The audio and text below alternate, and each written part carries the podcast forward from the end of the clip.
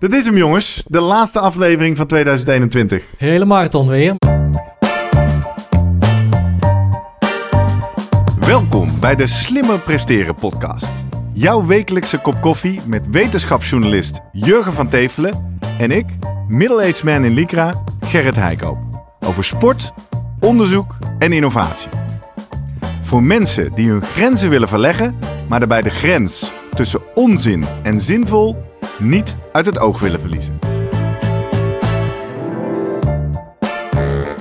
In deze aflevering praat ik met Jurgen over het jaaroverzicht 2021. Wat zullen we nooit vergeten uit ons tweede jaar?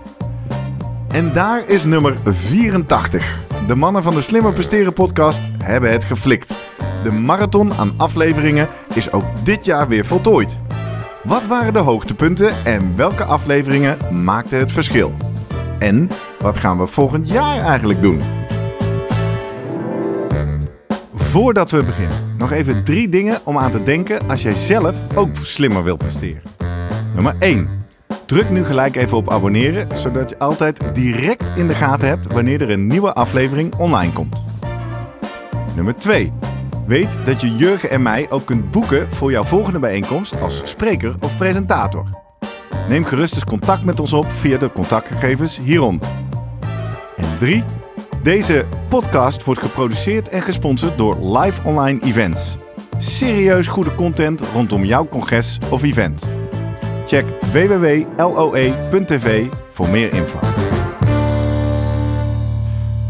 Ja, goedemorgen heren zeg ik uh, in dit geval. Beiden. Goedemorgen. Welkom, Oudjaarsdag, hier vanuit uh, de huiskamer in Leersum. Ja, ik uh, kijk naast me, de, de, de, wie, is ja. die, wie is die meneer zeg? Die ja, ken ik alleen maar van afstand eigenlijk. Alleen maar uit Lang niet gezien. Ja, ja, ja, ja, een klein beeldje en nu gewoon live aan tafel. Ja, ja bekende stem. Eindelijk. Guido Vroemen, welkom. Dankjewel. Ja, we zijn uh, 84 uh, afleveringen onderweg. Drie, vier seizoenen in totaal. Drie seizoenen waarin jij ook uh, een vast onderdeel bent, meestal. Ja. Uh, zoomen met Vroemen. En dachten, nou, moeten we deze feestelijke dag maar inluiden... door gewoon met z'n drieën te gaan terugblikken. Ja, eindelijk is het zover. ja. ja, precies. Eindelijk ja. mag je erbij aan ja. tafel. Ja, wel, wel een beetje sneu, hè? Heb je die glasvezel speciaal laten aanleggen, et cetera? Ja, maar toch... Moet je gewoon hier komen. Dit is het gewoon, hè? Weet je, je moet hier gewoon samen aan tafel zitten... Eh, en dan kun je de mooiste discussies krijgen. Ja, ja nou laten we eens kijken. Ik heb jullie uh, beiden gevraagd van... Uh, wat zijn de afleveringen waar jullie uh, met plezier op terugkijken... die je bijzonder vond en natuurlijk vooral die het meeste impact heeft gehad... Hè? waarin je echt hebt gezegd... nou, naar aanleiding van die aflevering heb ik iets anders gedaan. Daar gaan we naar kijken. Ik heb een hoop statistiek verzameld. Wat is nou de meest beluisterde aflevering? Welke aflevering had de meeste interacties? Daar gaan we even naar kijken.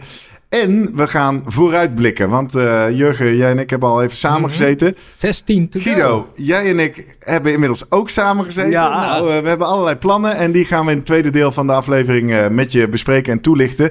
En dat alles om je maar te helpen over dat zwarte gat heen. Want na deze aflevering wordt het even vijf weken stil. Uh, maar we komen 11 februari weer terug met een knaller. En dat uh, gaan we ook uh, aankondigen hier vandaag. Maar laten we maar eens bij het begin beginnen, toch? zullen we maar met statistiek beginnen? De best beluisterde afleveringen van 2021. De top 3. En heb ik dus even ingezoomd op aflevering 43 tot en met 83. Op nummer 1 was, vond ik een verrassing. Taaiheid, aflevering 66. Kun je trainen op langer doorgaan? Nummer 2, ik ga ze gelijk maar even aankondigen. Uh, nummer 51, de leukste sessie over voeding. Oftewel die 10 eetwissels. Hè? Wat ja. zijn nou slimme dingen om te doen in je dagelijkse voedingpatroon... om wat gezonder te eten en misschien al een beetje af te vallen. En, ook een leuke, uh, nummer 62, uh, onze aflevering over hartslagvariabiliteit. is het een magische voorspeller over hoe het met je gaat en wat je kan?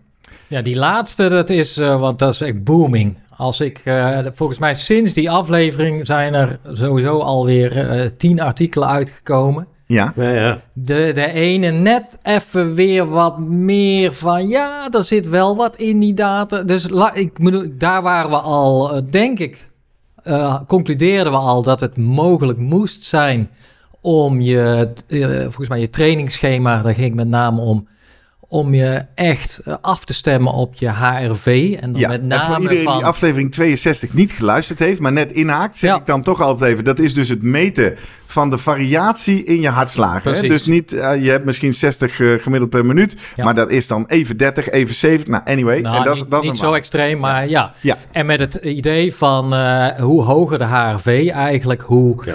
Beter of alerter je autonome eh, zenuwstelsel eh, op dat moment is, hoe uitgeruster je bent. Ja. En nou, als dat zo is, dan kun je ook meer hebben in je training. Ja. En daar, eh, nou, volgens mij concluderen we dat doe je aan de hand van één meta-analyse van een x-aantal studies. Dat het inderdaad mogelijk moest zijn als je en op een goede manier HRV kan meten, dat is natuurlijk wel, en, en betrouwbaar. En als je dan op die manier eigenlijk gepersonaliseerd jouw trainingsschema kan afwerken. Ja. Dus niet standaard van, hé, hey, maar hij schrijft nu een langzame training voor, maar op het moment dat jouw HRV hoog zit, kan je wel wat meer hebben, dat je juist wat meer intensiteit inbouwt. Als je dat ook volgt, ja, dat je daar uiteindelijk ook van kan profiteren. Maar Ja. het was duidelijk, het, het stond nog wel in de kinderschoenen. Ik meet het, eh, dit was in juni, hè? ik meet sinds die tijd eh, bijna iedere dag. Ja. Eh, Guido, jij? Ja, met de ring natuurlijk, de Aura-ring. Ja. Ja, ja, ja. ik meet inderdaad ook iedere dag. Ehm, maar ik ga nog steeds er niet blind op varen. Mijn ehm, eh, eigenlijk kennis als trainer is toch doorslaggevend, maar het, het, het laat ik, wel, ik laat het wel meebeslissen. In, ehm, In de programma's die je voor je atleten doen, maakt. Inderdaad, want soms, ehm, ik maak een programma voor een week en, dat kan, en, en als ik dan bij, een aantal atleten dat ook volg, dan zie je soms een trend dat heart rate variability slechter wordt. En dan zie ik de subjectieve commentaren, dus hoeveel, hè, dan zeggen mensen, nou het ging nog best goed, was wel zwaar, maar het ging nog wel goed. Dan is dat leidend. En ook al zegt de, de heart rate variability, je moet nu rusten. ehm, dan kan het, als het subjectieve gevoel nog steeds goed is, nog steeds een harde training zijn. Andersom kan het ook wel zo zijn dat als de hartslagvariabiliteit zegt van, nou weet je, je bent fris, je kunt er nu tegenaan gaan. Want hij is vrij hoog eh, ten opzichte van je gemiddelde. Mhm. En iemand eh, ze- geeft echt eh, dat hij zich heel, heel matig voelt, slecht voelt, spierpijn bijvoorbeeld, hè, na een tra- krachttraining. Dat zie je niet terug in je hartslagvariabiliteit. Dus dan zeg ik, nou weet je, dan ga ik wel rustig aan doen. ja, Ook al zegt je hartslagvariabiliteit, je bent fris. dat het kan. En Jurgen, je zegt er komen veel studies over uit. Wa- wa- wa- in welke hoek? Ja, kijk, dit, omdat het voordeel van dit is gewoon als je. Ja, het is op zich een makkelijke meting. Ja. Hè? Je, je hoeft maar een, een app te hebben, eventueel zo'n zo'n mooie ring zoals Guido heeft. Eh, eh, ik kijk er toch wel naar, maar ik denk, wauw, die, die glimp, Die- die is mooi, die, is- die nieuw. ring, Dit is, eh, ja, een nieuwe versie denk ik, hè, van die ring. Dit is de derde generatie versie. al. Dus Even, ja, dit is een podcast, eh, Guido. Moet je dus in de microfoon praten, hè? Let op. Het ja, is- ja, daar heb je het, het is, eh, ja, ik had hem hier om. Ja, ja. Het is de derde generatie, dus hij wordt steeds iets beter. Betere eh, software erin, betere sensoren erin. Dus ja, eh, ik moet zeggen, ehm, eh, ik ben er best wel tevreden mee hoe, Ja. wat hij doet. Ja, dat is natuurlijk. eh, Wij hebben destijds twee, eh, allebei een appje gedownload. En eh, ja, dan kan Ja, je het. die ook- gebruik ik nog steeds. HRV voor training. En dan moet je met je vingers op de camera Ja. van je telefoon en dan... eh, Waarom komt er veel Ja. uit? Omdat heel veel mensen dat toch doen. Eh, ook veel sporters. En dan is het gewoon een bak aan data verzamelen eigenlijk. ja. En dan maar eh, ja, lekker de, de, de computer eh, kijken of, of je patronen ontdekt. Dus dat, in die fase zitten we toch ook veel met, met wetenschappelijk onderzoek. Alles is data, alles kan gemeten worden. En nu is het Ja. eigenlijk een kwestie van, ja, laat, eh, ja, laat eigenlijk een model of uiteindelijk AI maar er lekker op los om te zien welke patronen ontdekken we als voorspellend voor, Ja. ik noem eens wat, een, een komende blessure. Dat is natuurlijk Ja. interessant. Overtraining. Ja. Eh, Maar en- in die studies in het afgelopen half jaar nog geen doorbraak Nee, daarin. nee. Mensen beschrijven dat Nee. ze dit aan het doen zijn en hoe ze dat aanpakken. En, en natuurlijk krijgen we toch vaker de positieve studies te zien dan de negatieve. Ja. Maar ik weet ook, dit, dit soort dingen worden bijvoorbeeld ook wel, eh, ja, wishful thinking ergens. Maar gedacht van, is het mogelijk aan de hand van bijvoorbeeld zo'n meting... om al te zien of iemand eh, een corona-infectie heeft? Oh ja. En dan ga je kijken van, ja, op het moment eigenlijk vooraf dat hij echt klachten krijgt. Ja. Eh, ja, dat is natuurlijk, eh, dat zou goud zijn. En dan zie je ook wel, ja, in een meerderheid misschien van mensen, Ja. oké, die gaan wat minder. Nou, die hebben bijvoorbeeld als Ik heb zij gaan. geleerd dat je het ziet aan je rusthartslag, toch? Nou als je ja. iets onder de leden hebt, nog voordat je klachten hebt. Ja, we hebben nu Guido er live bij, als, ook als sportarts, als arts. Het, Dat je hartslag wat verhoogd wordt, je rusthartslag. maar ja, als daar, er, daaraan gekoppeld, dan zul je ook eh, aan het veranderen van die rusthartslag, zul je ook die variabiliteit, daar gaat ook wat aan gebeuren. Ja, hè? precies. Want ja. Dat, die, zit, die zitten toch wel aan elkaar gekoppeld. En dat zie je ook bijvoorbeeld in die, in die app, ehm HRV voor Training. Ha- Rusthartslag en variabiliteit meten ze. En eigenlijk zie je dan vaak de rusthartslag gaat omhoog en de variabiliteit gaat omlaag. Ja. En dan, ja, weet je, dat, dan die trend, dan weet je, dat moet omgedraaid worden. Want dat geeft een, ehm, een vermoeidheidsopstapeling aan. ja. ja. En Maar wat ja, dat dan ook is, dat kan dus vanuit training zijn, vanuit werkstress of dus vanuit... Ja, dat, we- nee, nee, nee. je Het is ziekte, alle stress virus, op ja. elkaar. Ja, ja. En daar, ja, maar daar moet je ook rekening mee houden. ja. En Want dan- sommigen zeggen ja. vaak van, ja, weet je, ik heb helemaal niet zo hard getraind nu. Ja, maar dat, is, dat maakt, dat, hè, dat hoeft niet per se de oorzaak te zijn dat je eh eh, overstressed bent of eh, niet meer fris. Alle andere sociale stress die je ook nog bij je krijgt en het slechte slapen, dat maakt eigenlijk waarom je, of je wel of Ja. niet goed belastbaar bent. ja. Ja, dus in het continuum van allerlei metingen die je kan doen. We hebben natuurlijk Steven van der Zwaard gesproken.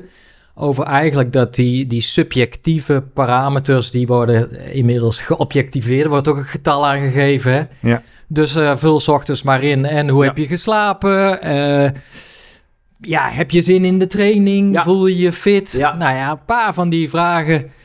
Ja, sommige mensen vinden dat misschien lastig. En eh, op het moment dat je een HRV doet, dan hoef je daar niet eens over na te denken. Dan doet zo'n ring dat voor je of een app voor je. Maar het is nogmaals zo, Even voor de inderdaad. volledigheid, eh, leuk dat je even aflevering 56 erin Ja. heeft. Hè? eh, Kwalitatieve data met Ja. Steven van der Zwaard. Maar de HRV voor Training app vraagt diezelfde vragen Ja, ook. Hè? ook dus precies. die doet ook de kwalitatieve Klopt. data. ja, ja. Nee, en ik, ik, ja, ik mag wel verklappen. Ik ben ook eh, begonnen met het voorbereiden voor eh, een nieuwe serie Sportlabs The Doc. Hey, Jurgen op tv. En ik ga daar heel weinig over zeggen. Maar al, alle wetenschappers die ik over spreek zeggen... ja, de, de- wat, is er, wat is er aan innovatie gaande? Alles is data. Ja, En alles in de hoop om nog eh, beter in te kunnen schatten voor een coach vaak. Ja, hoe staat mijn pupil ervoor? En dan met name van, traint hij niet te hard, traint hij niet, niet te langzaam, is het effectief? Ja.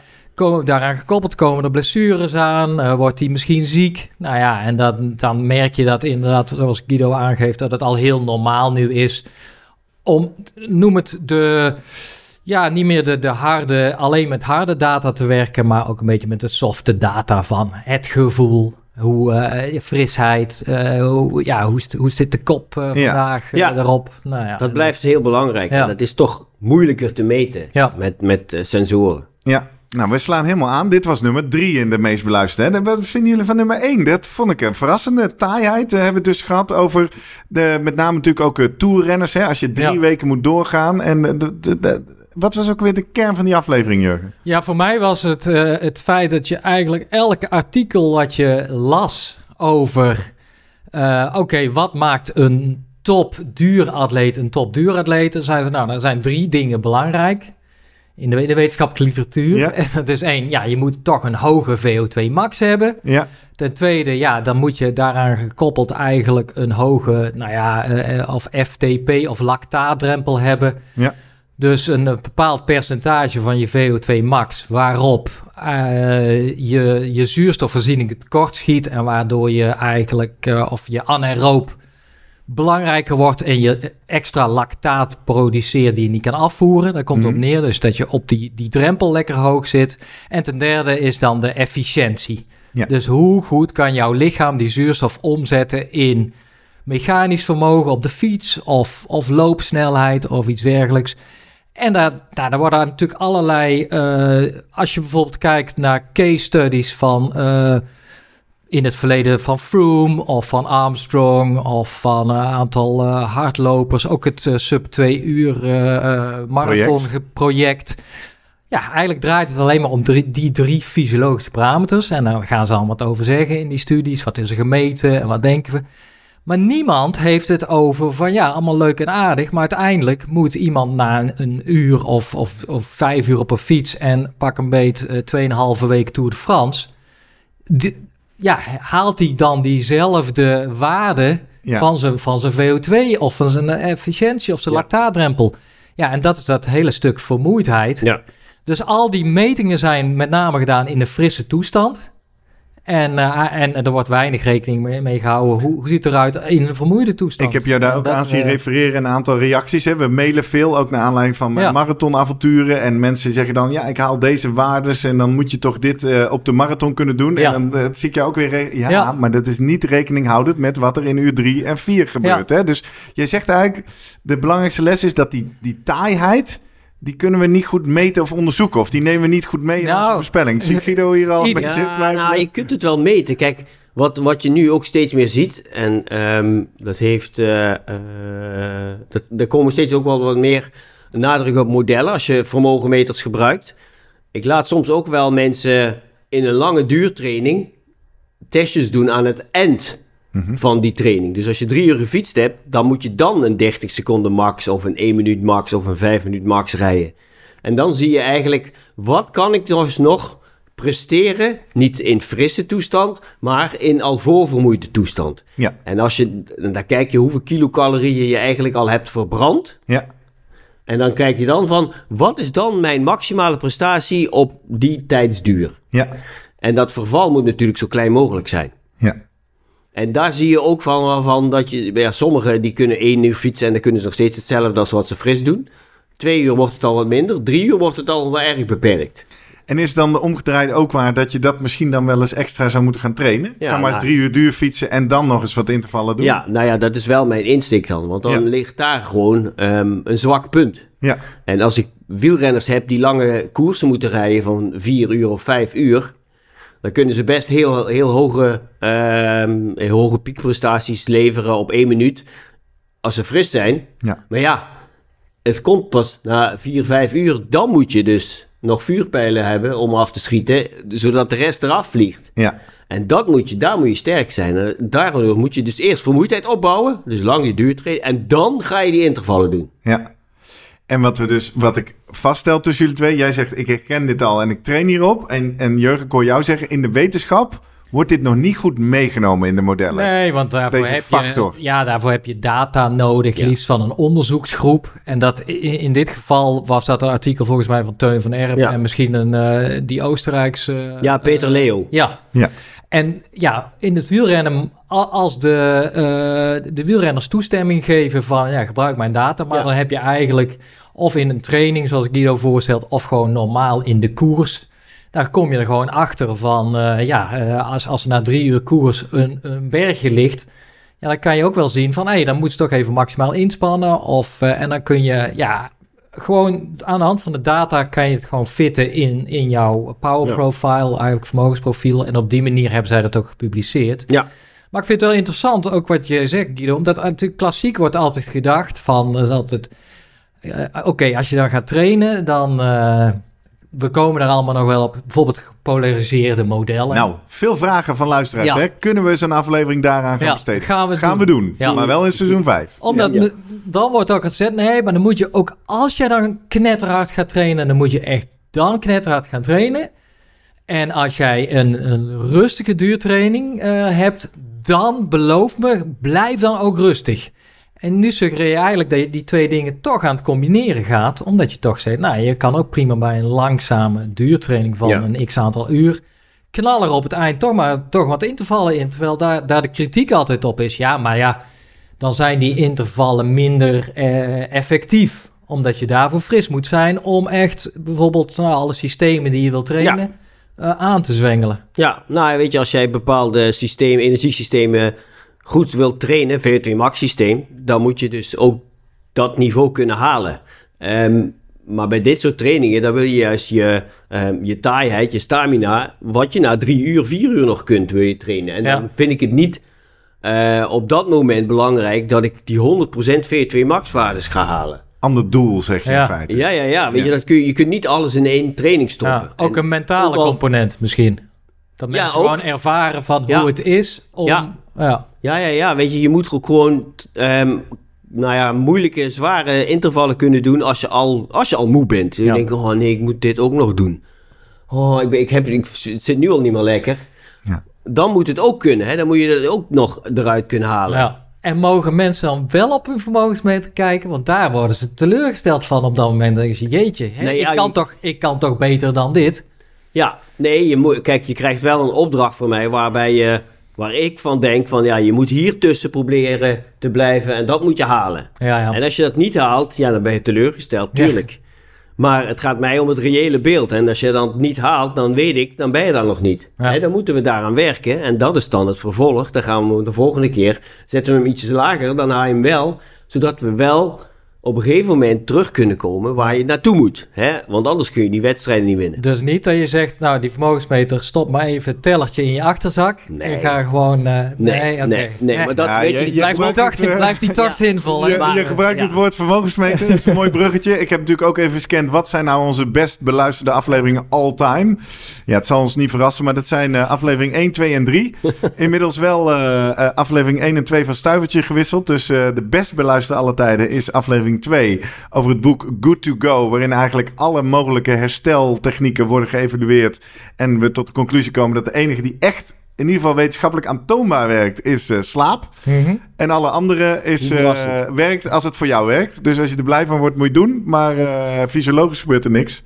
En dan nummer twee toch ook die vermogensmeter. Ik denk ook dat dit komt doordat dit aflevering 1, 2 en 3 zijn. En als je nieuw bent, dan begint iedereen daar. En die haken misschien af. Ik hoor wel veel mensen die zijn afgeknapt op onze aflevering 1. Waarin we natuurlijk de vermogensmeter eh, ja, min of meer ja, niet afschieten. Maar zeggen, voor een recreatieve, fanatieke sporter heb je dat niet nodig.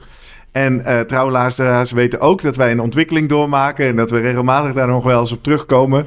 Dat we toch al allerlei use cases hebben gezien. Maar, Voortschrijdend, Ja, ja. in- voortschrijdend inzicht noem ik dat. Dat is heel normaal in de wetenschap en eh, ook bij eh, wetenschapsjournalisten. Ik probeer jullie zoveel mogelijk bij te brengen over dit gebied. Dus ik help Ja. jullie te denken van, nou weet je, jullie, beeld klopt niet helemaal met wat, eh, wat een vermogensmeter allemaal kan. En wat iemand hè, aan die kennis, verstand heeft van de eh, data, die, daar kun je dus heel veel zaken ehm, nou ja, analyseren en in kaart brengen van iemand. Dus Ja. als je dat allemaal niet weet, dan denk je, ja, wat een onzin is dat ding, dat heb ik helemaal niet nodig. Als je ook niks met data doet, dan kun je ook prima trainen, hè, weet je. Zonder. ja. Zonder. Dan heb je dat helemaal niet nodig. Nou, laat, dit is een mooie cliffhanger naar het tweede deel van deze aflevering. Een van de dingen die mij dwars is gaan zitten over die aflevering... is dat ik daar aan tafel zat zonder dat ik het ooit geprobeerd had. Mhm. Dus ik vind toch dat we Ja. eh, dat belangrijk... dat we veel dingen die we gaan bespreken ook zelf proberen uit te proberen. Nou, ik heb een hele kist hier met spulletjes die we zo gaan uitpakken voor eh, seizoen 5. Dus dat ik komt. zou het haar zelf gezegd kunnen hebben, want ik, ik doe niks anders. Nee, precies. nou, toch jouw invloed dan, hè, hier Ja. aan tafel.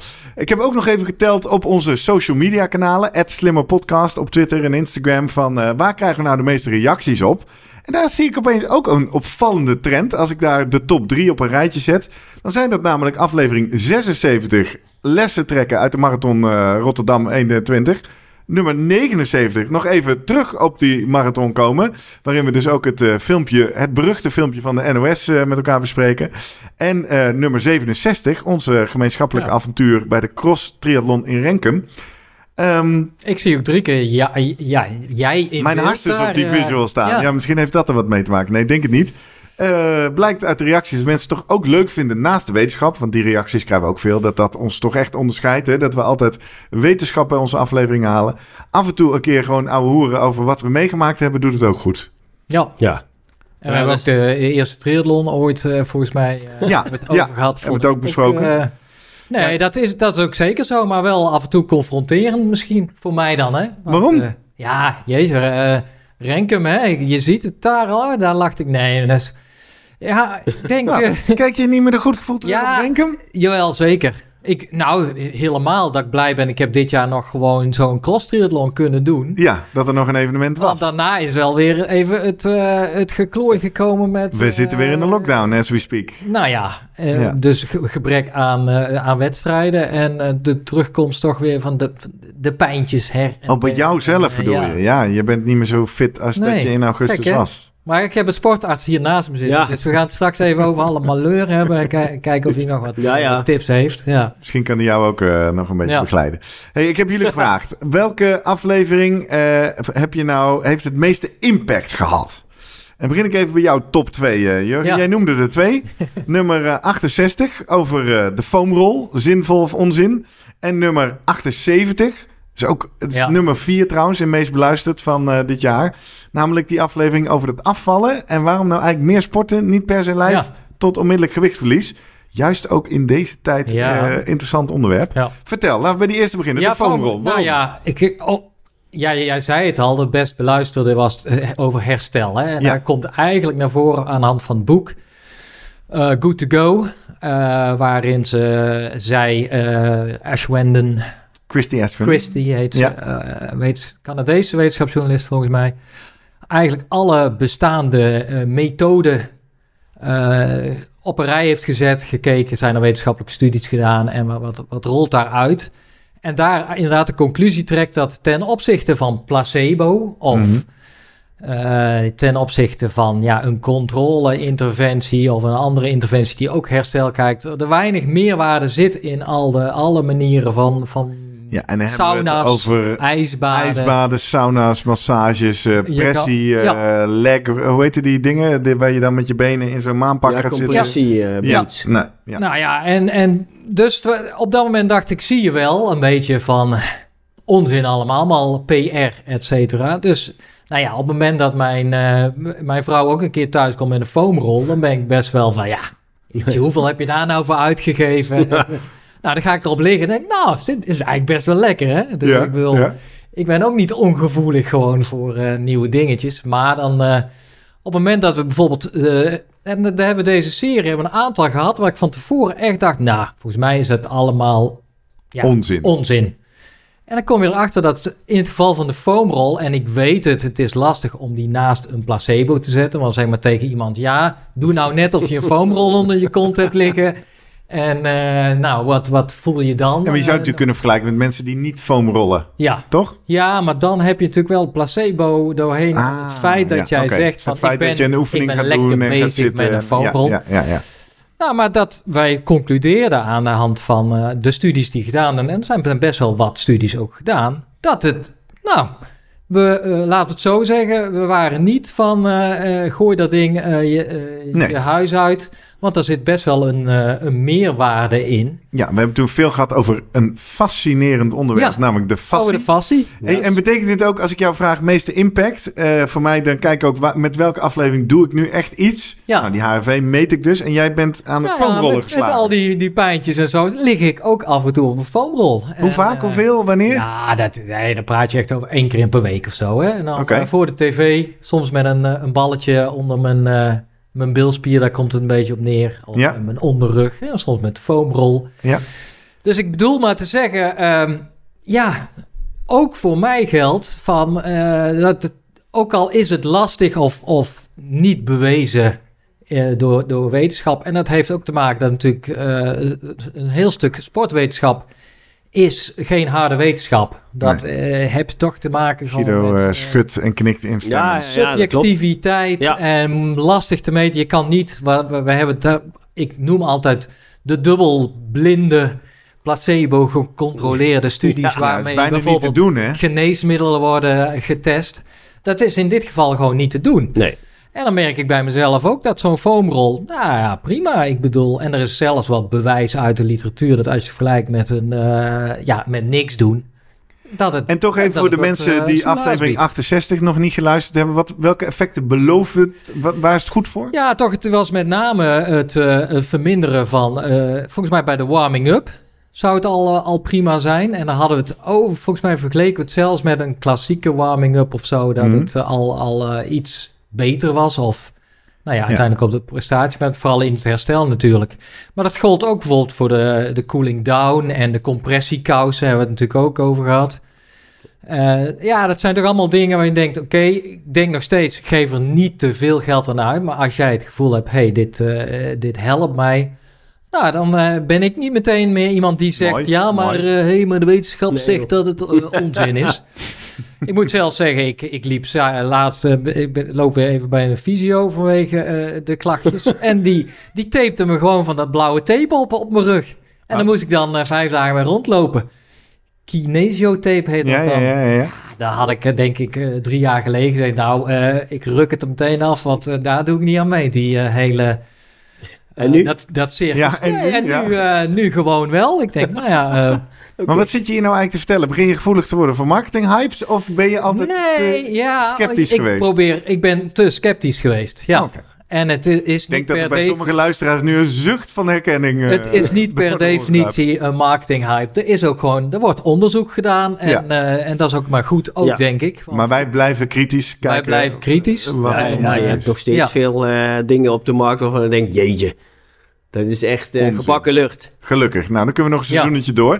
Hey, en die andere die jij opschreef, 78... Ja, ik heb... over eh, het, eh, nou ja, de- dat om- ging over de energiebalans en waarom het zo moeilijk is om af te vallen. Ja, nou, dat is toch een wereld voor me open gegaan. En natuurlijk wist ik wel, en aan de basis kende ik wel een beetje van... Natuurlijk, als je gaat sporten, krijg je ook meer honger. En dan ga je wat meer eh, ja, op die bank zitten, omdat je toch al gesport hebt. Ja. En ik, ik had het altijd als, als ja, hoofdoorzaak voor het feit dat eh, met sporten het afvallen moeilijk is, zo moeilijk. Totdat ik toch in die literatuur dook. En ik heb het boek nu meegenomen, waar ik ook eh, ja, met veel fascinatie lees. Burn, van Herman Ponser. Ja. Ja, dat is dus de man, dat is een evolutionair bioloog. Die eigenlijk zijn hele leven alleen maar eh, energiebalans. Dus je aan zegt, dit is een eh, boekentip voor ja, vind ik wel. eh, de kerstvakantie is laat. Hè? Mensen hebben ja. nog een weekje vakantie waarschijnlijk. En de ondertitel zegt het allemaal al, hè? The Misunderstood Science of Metabolism. Het is Ja, eh, metabolisme, voeding ja. verbranden. stofwisseling. En je merkt het gewoon in elke discussie nu ook eh, over corona en het feit dat mensen met overgewicht een hoger risico hebben om eh, Op die C terecht ja, op die. C eh, terecht te komen, serieuze klachten te krijgen. En dat dan, ja, logischerwijs dacht ik ook altijd gezegd van ja, je moet. Daarom is het oh zo belangrijk om te gaan sporten. Ja, ga maar meer bewegen. Dat laatste eh, ben ik het helemaal mee eens. Maar dat, dat heeft dan te maken met allerlei gezondheidsaspecten van, van Ja. bewegen. eh, richting eh, bloedvaten, hart, insulinegevoeligheid. eh, nou ja, you name it. Maar als je het sec kijkt op eh, afvallen, ja, dan speelt daar toch wel, dan zit het een stuk complexer. En eigenlijk, ja, hij heeft dus een hele leven gemeten, ook bij bijvoorbeeld eh, stammen in Tanzania, de, de Hadza-stam, heeft hij heel veel studies gedaan. En die bewegen van nature, want het zijn nou jaren Ja. verzamelaars.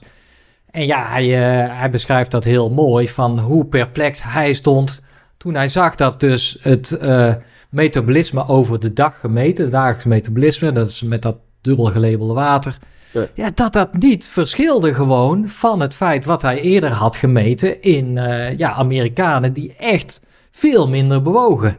Nou ja, en eigenlijk is dat dus dat hij zegt, ja, we, we zien het, het, het lichaam toch te simpel als gewoon een verbrandingsmotor die de ene moment ja, veel meer gaat verbranden dan de ander. Ja, dat, dat, dat doe je op zich wel met inspanning. Maar, je zegt maar, maar het is ook een lichaam wat meteen reageert en denkt van... hey, er is hier iets geks aan de hand. Ineens word ik aangezwengeld om extra te verbranden. hey, eh, ben ik daarvoor eh, uitgerust? Hm. En eh, denkt van nee, dat ben ik niet. Dus ik moet toch een beetje interen op alle, allerlei andere processen waar ik mijn energie aan verspil. En dat zijn eigenlijk die basale processen. Die veel belangrijker zijn, vooral als je Ja. nog niet zoveel sport. En dat is puur eh, ja, ja, je basale metabolisme waar ik toen noemde. En, dus en- jij zegt, allemaal het boek lezen. ja, En misschien komen we er nog een keer op terug, of niet? Ja, is er nog ik iets vind aan het- te vullen ja, naar aanleiding als je het helemaal uit hebt? Want ik zie de boekenlegger op Ja, eh, nee, jij, 80% want hij, zitten. hij, hij gaat nu ook in op het paleo-dieet. Want natuurlijk een paar van die goeroes zeggen... ja, kijk maar, eh, we we Ja. eten te veel zoet. En dan, Ja, die reactie kreeg ik ook offline, niet geschreven, maar inderdaad van een vaste luisteraar die zei, ja, maar het komt door wat wij eten, suiker, koolhydraten, krijgen we insulinepieken. En Ja, nou, maar hij, hij geeft mooi aan... Die Hadza's, die, eh, die, die stam, die, die, die eten bijvoorbeeld ontzettend veel honing. Ja, dat is ook heel eh, veel suiker. Echt, ja. dus hij zegt, ja, maar zo simpel is het ook weer.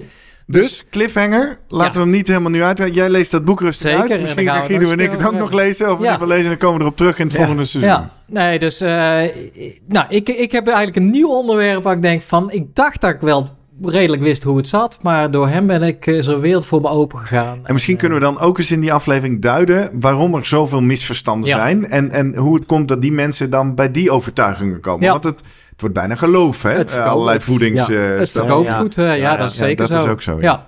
ja. Ik heb dezelfde vraag aan eh, Guido gesteld. Guido, wat zijn nou afleveringen die op jou het meeste impact hebben gemaakt? Toen schrok je al even en dacht je, ja, ja maar ho, in die rol zit ik toch niet? Ik geef alleen maar advies. Maar toch had je er twee. Ja. Nummer 58. eh, je muzieksmaak maakt meer uit dan je denkt. eh, in de hoek sportpsychologie en het effect van muziek op bewegen. Vertel. Ja, het valt erop, hè. Weet je, ik heb mijn, Voor, voor de kijkers op YouTube zeggen we dan. mijn Hè? eigen muzieksmaak al eh, meegenomen in een eh, Metallica shirt wat ik aan heb. En ehm, nou, ik, ik luister best wel veel muziek. En dat is de laatste jaren eigenlijk eh, ook wel steeds veel meer geworden. wa- Want dat is iets wat ik in mijn jeugd heel veel deed. En ik merk ook als ik... Nou, ik train niet zo heel vaak indoor.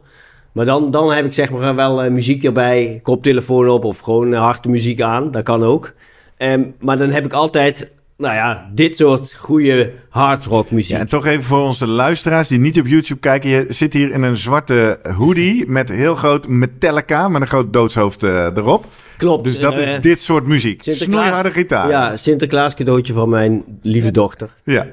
En, Die eh, ook fan zijn? Of, eh, Ondertussen moeten ze, vinden ze dat ook soms wel, best wel te accepteren. ah, Ja, ja. Ehm, de, de kaartjes voor Pinkpop liggen al klaar. Ja. want nu nog is- hopen dat het doorgaat. Ja, dat is- kost wat kost. Dat gaat, dat, ergens gaat het wel weer door. Zijn zij nog helemaal bij elkaar als band? Of, eh, Ja, het is- Dit voor Oké, ja, we gaan het helemaal... Ja, maar het is ja, ik vind wel- toch... eh, ja. Ja. ja, ja, ze zijn nog bij elkaar, maar het is niet meer de oorspronkelijke Nee, samenstelling. Want Ja. daar is al wel wat veranderd Ja. door overlijden, et cetera, drama, noem maar op. Maar ehm, ik Jij was aan het vertellen. Het Ja, valt me ja, op. ja, altijd dit soort muziek. muziek helpt vaak wel als ik keiharde, zware intervallen probeer uit te voeren. Omdat ik denk, oh wacht, dit is een goede training. Die ga ik eens even aan andere atleten ook voorschotelen. Die eens kijken of dat te doen is. Probeer ik hem zelf ook. En als ik het zelf redelijk voor elkaar krijg, dan denk ik, nou, dan moeten zij het ook kunnen. En Ja. daar heb ik soms wel wat ondersteuning bij nodig. Dat ik denk, oh, kom op. En dan moet ik een beat hebben en harde muziek en vuile, smerige, keiharde drums en gitaar. Ja, dan heb je dus Metallica, Rammstein, Iron Maiden. Dan komt dat allemaal. En dat, weet je, dat, dat helpt me daar wel bij. Mooi. Dan krijg je, nou ja, ik En je zegt eigenlijk, nadat we het erover gehad hebben, ben je dat nog meer of nog bewuster Nee, ik gaan opzetten. eerder, Zeg maar de afgelopen jaren. Ik heb gewoon, met, met veel muziek heb ik gewoon, als ik die eh, nummers hoor, dan is het gewoon kippenvel. Oh, ja. Dat komt dan ook, en dan kan ik gewoon laten zien, denk, als dit nummer komt, dan krijg ik kippenvel. En zoveel Welke indruk. eh, bijvoorbeeld? Ja, dan heb je dus een aantal nummers van Metallica. En eh, eh, ook van eh, Motorhead of Iron Maiden. Dat zijn er Ja? gewoon een aantal uit mijn, nou ja, uit mijn verleden, waar ik gewoon heel vaak naar geluisterd heb. Dat is speciale gedachten. En dat, Ja. dat zit er nog steeds in. En dan vind ik ook dat als je dus met sporten en die muziek combineert, dan snap ik heel goed dat je dus dit ietsjes nou ja, meer kunt motiveren en dus toch extra diep kunt gaan. Mooi. Dus maar dan denk ik ook, dus het kan direct effect zijn. Maar het kan ook zijn dat je op dat moment weer terugdenkt aan de Guido Vroemen toen hij... eh, Toen toen toen 21 sterk was. Ja. Ja, ja, precies. Dan kon Ja, hij nog precies. alles aan. En doen- Wake oh, up your jongen. inner child. Ja. Ja. Ja. maakt niet uit hoe, eh, hoe, of, hoe het Nee, precies maar het werkt, is maar het is wel positieve goed om te invloed. horen. Ja, ja, ja. Ja. Mooi. Absoluut. Misschien goed om even te laten zien. We hebben bij die aflevering eh, toen ook eh, eh, onze slimmer, nee, motiv- motivatie slimmer presteren podcast playlist op YouTube Nou, aangemaakt. haal die van mij er maar uit. Hoezo haal die Zoek van ze jou? maar. Ja, oh, jouw nummers. kiezen. Nee, ja, ik wou zeggen, al die nummers die jij net noemde, die Nee, staan daarop. ze Ja, precies. Eh, ik ga het eh, nog een keer onder aandacht brengen, eh, want veel mensen vinden het lastig om hem te vinden. Je gaat dus naar Spotify, je gaat zoeken op slimmer presteren. Dan vind je in eerste instantie natuurlijk de podcast. Dat is de eerste hit. Maar je moet even doorzoeken, dan vind je ook de afspeellijst. Die heet dan Motivatie Slimmer Presteren. En dan zie je daar een mooie eclectisch eh, gezelschap.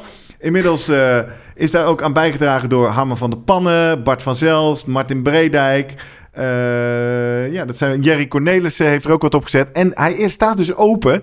Dus eh, als je dit nu voor het eerst hoort, ga natuurlijk eerst even aflevering 58 luisteren. En eh, zet er ook eens jouw favoriete sportnummer op. Dan maken we met elkaar een mooie eclectische lijst van luisteraars en vrienden van de show wat zij luisteren. Dat is altijd handig als je dus pittige trainingen moet doen. Ja, ik zet hem wel eens op, op random. Maar dat is wel inderdaad Ja, echt letterlijk eclectisch. Ja, dan is het op een gegeven moment denk ik, kak, dan heb ik nog een hele zware en dan krijg ik zo'n suf liedje van Gerrit.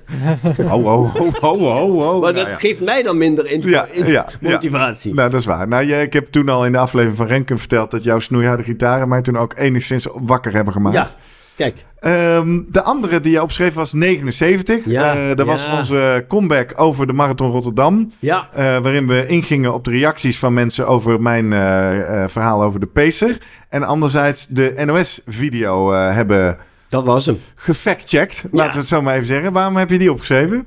Ja, nou ja, weet je, ik stoor me altijd heel erg aan, ehm, nou ja, als er op, op tv, uitzendingen, sportuitzendingen, dingen worden verteld, wat helemaal totaal niet klopt. En, Ja. dat, en dat hoor je natuurlijk ook heel vaak bij wielrennen, bij schaatsen. Het lactaat komt uit de oren, noem het allemaal dat soort eh, commentaren maar op. Maar hier was dus een filmpje over de gezondheidswaarde van nou, het lopen van Nou, een marathon. Waarde? Nou ja, Hadden ze ja, het maar die zo was- genoemd. die was dus niks. De gezondheidsrisico's van een marathonloper. Nou ja. precies. Dus dat ging totaal de verkeerde kant op. Het was echt een zwaar onder de maat eh, uitzending. En dat was ook al een, ver- een vervolg op ehm, een van de andere uitzendingen die ze hadden eh, gemaakt over vermogensmeters. En daar hebben ze mij ook over gebeld. En dat heb ik ze proberen super goed uit te leggen. En nog, nog zetten ze het erin met heel veel onzin.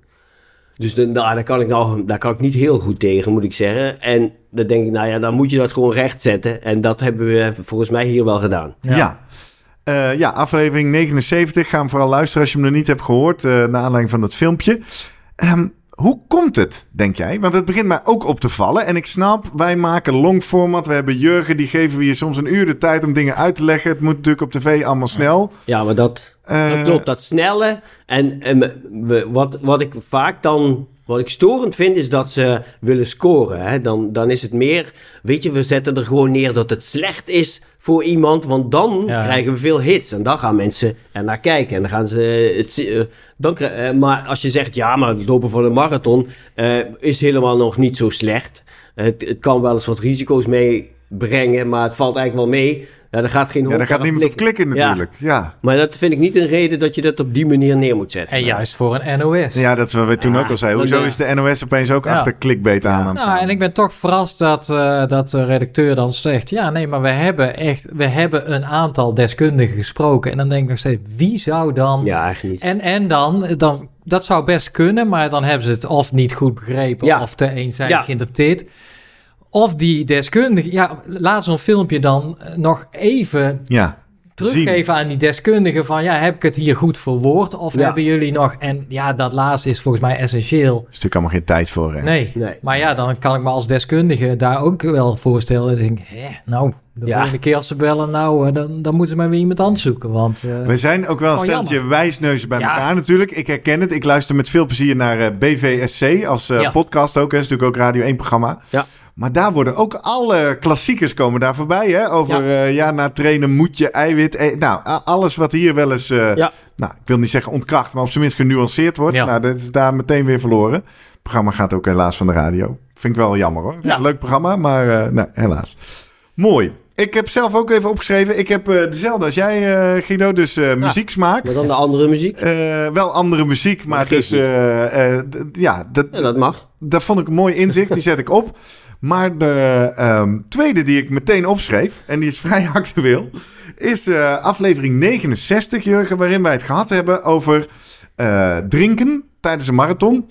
Eh, onder andere naar aanleiding van die eh, marathon, was het Parijs uit mijn hoofd? Nou, die visual eh, hebben we in ieder geval gebruikt voor die uitzending, waarin die loper, die toploper... oh, dat was op ja. de Olympische marathon, Ja. ja. Al die flesjes drinken voor de anderen Oh, ja. Eh, en dus de vraag, ga je langzamer lopen zonder drinken bij de marathon? En wat ik daar als belangrijkste les uit onthouden heb, is je drinkt gauw te veel. Sterker nog, je kan tot 2% vocht verliezen. Je gaat echt niet zomaar uitdrogen. Hm. Nou, dat, dus ik dacht, nou, we moeten allemaal niet spastisch doen Ja. over drinken. Eh, bij een marathon al niet. Laat staan bij een halve marathon. ja. Nou wil het feit dat ik eh, een kleine twee weken geleden eh, op Ameland een halve marathon heb gelopen. nou, op Strava hebben mensen dat misschien wel gezien. Dat ging vrij goed, dat ging ook lekker hard. Maar, Tot? ik moet toch zeggen, de laatste 2,5 kilometer Boing. ging toch echt wel on, nou, on- nou, niet letterlijk onderuit, maar zo slecht heb ik niet vaak gezeten. Ik werd wat licht. Eerst wordt natuurlijk het blik klein, hè? En dan Ja. word ik, ik werd wat licht in mijn hoofd. Op een gegeven moment werden de benen slap. In kilometer 19 had ik echt een sterke behoefte. Ik zou hier nu wel willen gaan liggen. Hè? Dat je echt denkt, ik, ik wil hier nu gewoon in het gas gaan liggen. Is dit een man met de hamer eigenlijk? Nou, dat zou kunnen, maar ik, ik, het werd echt wel naar. En na de finish was ik ook echt wel een beetje hè, een paar zwalkstappen. Ik werd gelukkig wel opgevangen en lopen. En weet je, ik moet ook wel bekennen, daarna aanvallen op het snijbuffet, eh bouillon, thee, drop eh, en, en peperkoek. En dan ben je er ook wel weer na 10 minuten. Maar ik zat slecht. En ik zat daarover na te denken, wat is er nou gebeurd? Nou, s ochtends, ik in mijn ochtendplasje, donker. Dus ik denk, Ah. oh shit, ik heb niet genoeg vocht in mijn lijf thee, water drinken. Maar ook, ik hoor hem, ik, ik hoor snuiven, want die weet natuurlijk al. Ook even drie bakken koffie. Ja. Andere aflevering, want natuurlijk Cafeïne. cafeïne is goed, hè? Ja. Maar. Maar ja, ik kan inmiddels zelf ook drinken. Wat doet cafeïne natuurlijk ook? Drijft ook wel vocht af, hè? Maar misschien niet op die termijn. Nee, nee, nee. Dus ik eh, voor de race plasje doen. En niet een Red Bulletje bij de Texas Nee, dat heb ik wel afgeleerd. Oké. Maar ik Ja. wel plasje doen. Niet één, maar twee keer moest ik plassen. Ja. kraak licht. Dus ik denk, nou, met mijn Ah, vochtbalans zit het wel goed. Ja. Hè? Ik ben afgevuld met vocht. Dus ik ben onderweg me niet meer gaan... eh, er waren twee posten, daar ben ik gewoon langs gerend. Ik denk, joh, anderhalve uur, daar kan ik prima langs rennen. Want, hè, aflevering 69, zoveel hoef je niet te drinken Ja, bij een halve marathon. kijken, anderhalf uur. Hoe lang was je onderweg? inderdaad? 1 uur 38. 1 uur 8. Ja, dus ik denk, dat red ik wel. Maar goed, het ging toch slecht. Dus ik nadenken, was het dan voeding? Nou, goed ontbeten, grote banaan onderweg en onderweg nog een reepje gegeten. Dat moet kunnen. Maar toen dacht ik opeens, ja, ik had een warm ondershirt aan. Ik heb eigenlijk de Ja. hele weg liep het zweet uit mijn ogen, of hè, uit mijn haren. Ik had de witte kringen van het zout in mijn oogkassen Ja. staan. Dus ik dacht, misschien is daar toch iets met vocht Had je, misgegaan. had je dorst wel? Nee. Dat ook niet. Want meestal zei je, nou, je kan prima op je dorstgevoel afgaan. Nee, dat valt Ja, maar dat kan ik misschien niet meer goed Ja. beoordelen. Ja, dat weet ik niet. Want ik was, het gebeurde natuurlijk ook twee kilometer voor de finish. Ja. Dus ik dacht ook, ja, het enige wat ik nu hoef te doen is door blijven lopen. Want ik kom vanzelf bij de finish. Ja. Ja, nou ja, zelf denk ik, dat is misschien toch een hongerklop. Dat je, maar ja, je zegt, je hebt wel een jelletje en een banaan, maar misschien is dat onvoldoende. Maar je, je liep eh, behoorlijk fors, hè? Ik bedoel, jij hebt, eh, ja, Ja, eh, 300 watt. veel glucose. Ja, eh, weet jij inmiddels. ik denk veel koolhydraat eh, verbranden. eh, veel Ja. van je glycogeen eh, zit eh, Ja. op soeperen. Dus, Laat ik eh, zo zeggen, ik heb hem hier geselecteerd als aflevering met veel impact. Omdat ik daar dus echt geleerd heb, ik moet me niet zo zorgen maken over drinken. Ja, Maar ik werd nu toch een beetje zenuwachtig. Zou ik dan toch te weinig gedronken hebben? Ik, eh, nou ja, ik, ik gooi toch op jouw puur brandstof eh, niet goed eh, gebalanceerd, Ja. denk ik. Maar dat kan ook in je vocht dan zitten, hè? Want ja, meestal drink je dan ener- energiedrank. Ja, Dus dan heb je je brandstof binnen, hè, Ja. je benzine. En Ja. daar heb je ook wat vocht bij. Ja. En dan is het niet zozeer dat je zoveel vocht, misschien een liter tekort, dat, dat zal het niet zijn. Maar wel zeg maar de koolhydraten die erin gaan. Die waren wel op. ja, precies. Dus jullie zeggen eigenlijk allebei, het zat waarschijnlijk in voeding. Ja. Maar ga dan maar bij die drankposten sportdrank pakken Ja. Ja, ja. en niet water. Ja, ja. Nee, dus eh, daar moeten we even nuanceren. Die uitzending is puur echt gericht op de vochtbalans. Ja. Ja. En natuurlijk in de praktijk is die gekoppeld vaak aan, eh, aan, aan energie. Eh, Ja. in het geval je een energiedrankje Dus drinkt. mijn recht toe recht aan conclusie uit de aflevering... loopt die drankposten maar voorbij. Dat hoef ik dan misschien niet te doen. Nee, maar het ging er mij om van dat er een beetje altijd gesteld wordt... oeh, ja, meer dan 2% van je ge- Ja, gewicht dat- verliezen aan, aan vocht. Oeh, dan raak je uitgedroogd Nee, en daar dat- moet je voor waken. nee. Terwijl in die uitzending blijkt, of de aflevering en de, de studies die gedaan zijn... dat ja, juist toppers die verliezen soms wel 5%. 5%, ja. ja, Ja. zonder moeite. Ja. Maar Maar ja, daar zijn het wel weer toppers voor. Hè? Weet Ja. je, je kunt zeg maar die toppers dan weer niet één op één doortrekken Klopt. naar de gemiddelde Ja. hardloper. Hè, dat we, in het het- begin zeiden we het al over eh, drie dingen, VO2 max, hoe hoog je drempel daar tegenaan ligt en efficiency. Ja, dat is bij die gasten totaal anders. Hè? Ja. Zij zijn veel efficiënter, Mhm. ze hebben dus minder vochtverlies dan ehm, nou ja, een gemiddelde loper als jezelf. Ja. En je Dus. zegt zelf al, je was drijfnat. ja, ik was wel heel hard aan het zweten. Ik had gewoon te warm de- ondershirt En dan aan. hebben we ook nog eens de, de omstandigheden waarschijnlijk toen. Met hoge luchtvochtigheid, waardoor Ja. je dus hè, de, veel vocht Ja. kwijt, zodat wat je afdruppelt. Ja. Ja, jij zegt hier, ja, dan hebben we hem. Ja. Ja, Nou goed, mooi, interessant. Dus eh, ik wilde maar mee zeggen dat eh, je moet ook onze afleveringen niet eh, te rechtlijnig eh, toepassen. nee, nee, nee. nee. Kwam ik maar weer eens achter. Oh, al die nuances. Nou, maar het verbaast me wel dat je zegt ja, je, dat je helemaal geen dorst had. Ik had geen dorst. Ja. Dus dan zal het dus toch op voeding hebben gezeten. Ja, misschien. Ja, aan de andere kant, dat jouw dorstgevoel, ja, dat kun je ook niet altijd 100% waarschijnlijk Maar hij wilde wel, opbouwen. zeg maar, ehm bouillon, hè? Ja, had Ja, ja, behoefte aan. Ja, dus hij een had zout. zout. eh, ja, Ja. ja. Die, dat tekort Ja, had hij echt drop, maar jongen. Ik heb echt een handendrop Dat bedoel ik. Ja. Zouten wilde hij dus wel Ja. hebben. En Ja. dat gevoel had hij wel. Ja. Ja, ja want dat, dat vond ik wel inderdaad opvallend. In die zin kan je dus wel vertrouwen. Toen ik bij dat buffet was, jongen. Nou, echt. ik was er aan toe, zullen we Ja. maar zeggen. hè? Kom maar. Ja, ja. Nog wel wat. ja, dus dat is dan toch Ja. wel een indicator Ja, van ja, dat dat ja, lijf ja. zegt eh, Ja. hier met die zooi. Ja. Ja. Ja, grappig. Hey, eh, we gaan eens een beetje doorschakelen. Eh, ik heb nog wat leuke statistieken verzameld. Ik vroeg jullie ook nog, is er nog iets waar je eh, bijzonder trots op bent op het zo aan het eind van het jaar? Als we terugblikken. Los van specifieke afleveringen. Ja, dat we sowieso gewoon een jaar weer hebben volgehouden. Dat is natuurlijk Ja. uniek. Nou, ik ben toch wel, want ik moest helemaal terugdenken. Ik denk, oh ja, dat was vorig jaar zijn we begonnen met de doping specials. Ja, Ja, ook dit- nog gehad. Dat is eigenlijk, eh, ja, die stond, daar is het ooit mee begonnen, mijn, eh, mijn hele podcast-ambitie. Dus in die zin ben ik blij dat we die ook hebben gedaan. En we hebben toch een aantal eh, ja, leuke, interessante gasten daarin gesproken. Dus Ja, in die Thijs zin, eh, Zonneveld, die is me ook wel bijgebleven. Ja, Guido Thijs. Vroemen, Marco Knippen, Douwe de Boer, Herman Herman Ram natuurlijk. zelf van de dopingautoriteit. Ja, mooie Ja. serie. Ja, Je merkte wel in de statistieken ja. dat het voor sommige luisteraars een vreemde eend in de bijt was. Ja. Wat, wat is dit nou? Het is Ja. natuurlijk een beetje een uitstapje wat ehm, voor weinig mensen heel relevant zal zijn. Eh, en ik moet ook zeggen, er is weinig aandacht voor doping geweest dit jaar. Ook, Ja, eh, ik heb Alleen nog- die Ajax-keeper, hè? Ja, ik heb nog even bij de Olympische Spelen gekeken van is daar nog iets? Ja, uiteindelijk zijn er nu zes, eh, zes atleten tijdens de Spelen werden meteen positief getest. Die zijn eh, of eh, tijdelijk geschorst vaak. Ja, ze hebben gewoon 6000 controles gedaan in de aanloop, iets van 25.000 lees ik. Maar dan de slotconclusie, ja, alle, alle plasjes en bloedmonsters eventueel worden bewaard eh, voor de komende 10 jaar. Dus we zullen zien. Voor de nieuwe Goed. analyse-technieken. Ja. Ja, spannend. ik bedoel, het is duidelijk dat het... eh, het is, ja, eh, het is nog niet uitgebannen, laat ik het zo zeggen. En ik denk Nee, ook leuk, nooit. leuk nieuws om te vermelden... is toch dat eh Hinke Schokker, daar begonnen we een beetje Ja. mee, hè? Dat zit in aflevering eh, 43. Ja. Was dat een soort verhaal waar we mee aftrapten? Als zijnde toch een, eh, een amateur, eh, ja, recreant, recreatieve, nou ja, wel serieuze sporter, maar geen topsporter op dat moment. Zeker niet professioneel bezig met dat sport. Die dan eigenlijk, ja, als een van de weinigen in dat jaar gepakt werden door de dopingautoriteit. Op een middel waar, eh, waar ze, nou ja, eh, behoefte aan had om, vanwege eh, ja, attentiestoornissen of Mm, ADHD-achtige klachten. Alleen dat niet had eh, aangemeld als zijnde en een eh, medische test voor aangevraagd. Ja, daardoor meteen werd gezegd, ho, eh, nou positief. Eh, ja, sorry, jij eh, mag eh, vier jaar in principe waarschijnlijk ben jij niet meer welkom op jouw eigen sport. Dus dat was het ultralopen. Ja, en maar, paardrijden. Ze mogen ook niet meer naar de nee. manege. Je bent niet meer welkom op elk sportpark. eh, nee, eh, Nee. En, en ja, dat, dat vanuit daaruit eh, ontstond eigenlijk onze hele vraag van... ja, wie worden nou eigenlijk gepakt?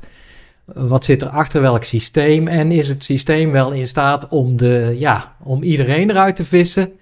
En eh, wie is, ja, zijn er misschien mensen ja, eh, onterecht of onnodig Maar je begon met nieuws. Want Ja, nu, Wat zij is uiteindelijk, en dat had ik hem niet zien aankomen, dat ja, ze is uiteindelijk gewoon vrijgesproken. Ja, hè? En dat ik dus Fijn. Wa- hoe het gegaan is, ja, zij heeft ergens wel geluk gehad, want haar zaak is eigenlijk toch opgepikt door een aantal media en een aantal experts, waaronder Douwe de Boer.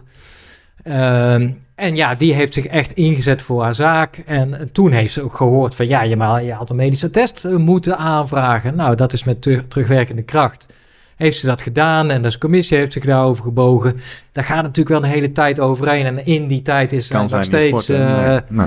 ja, eh, een, een, een dopingzondaar.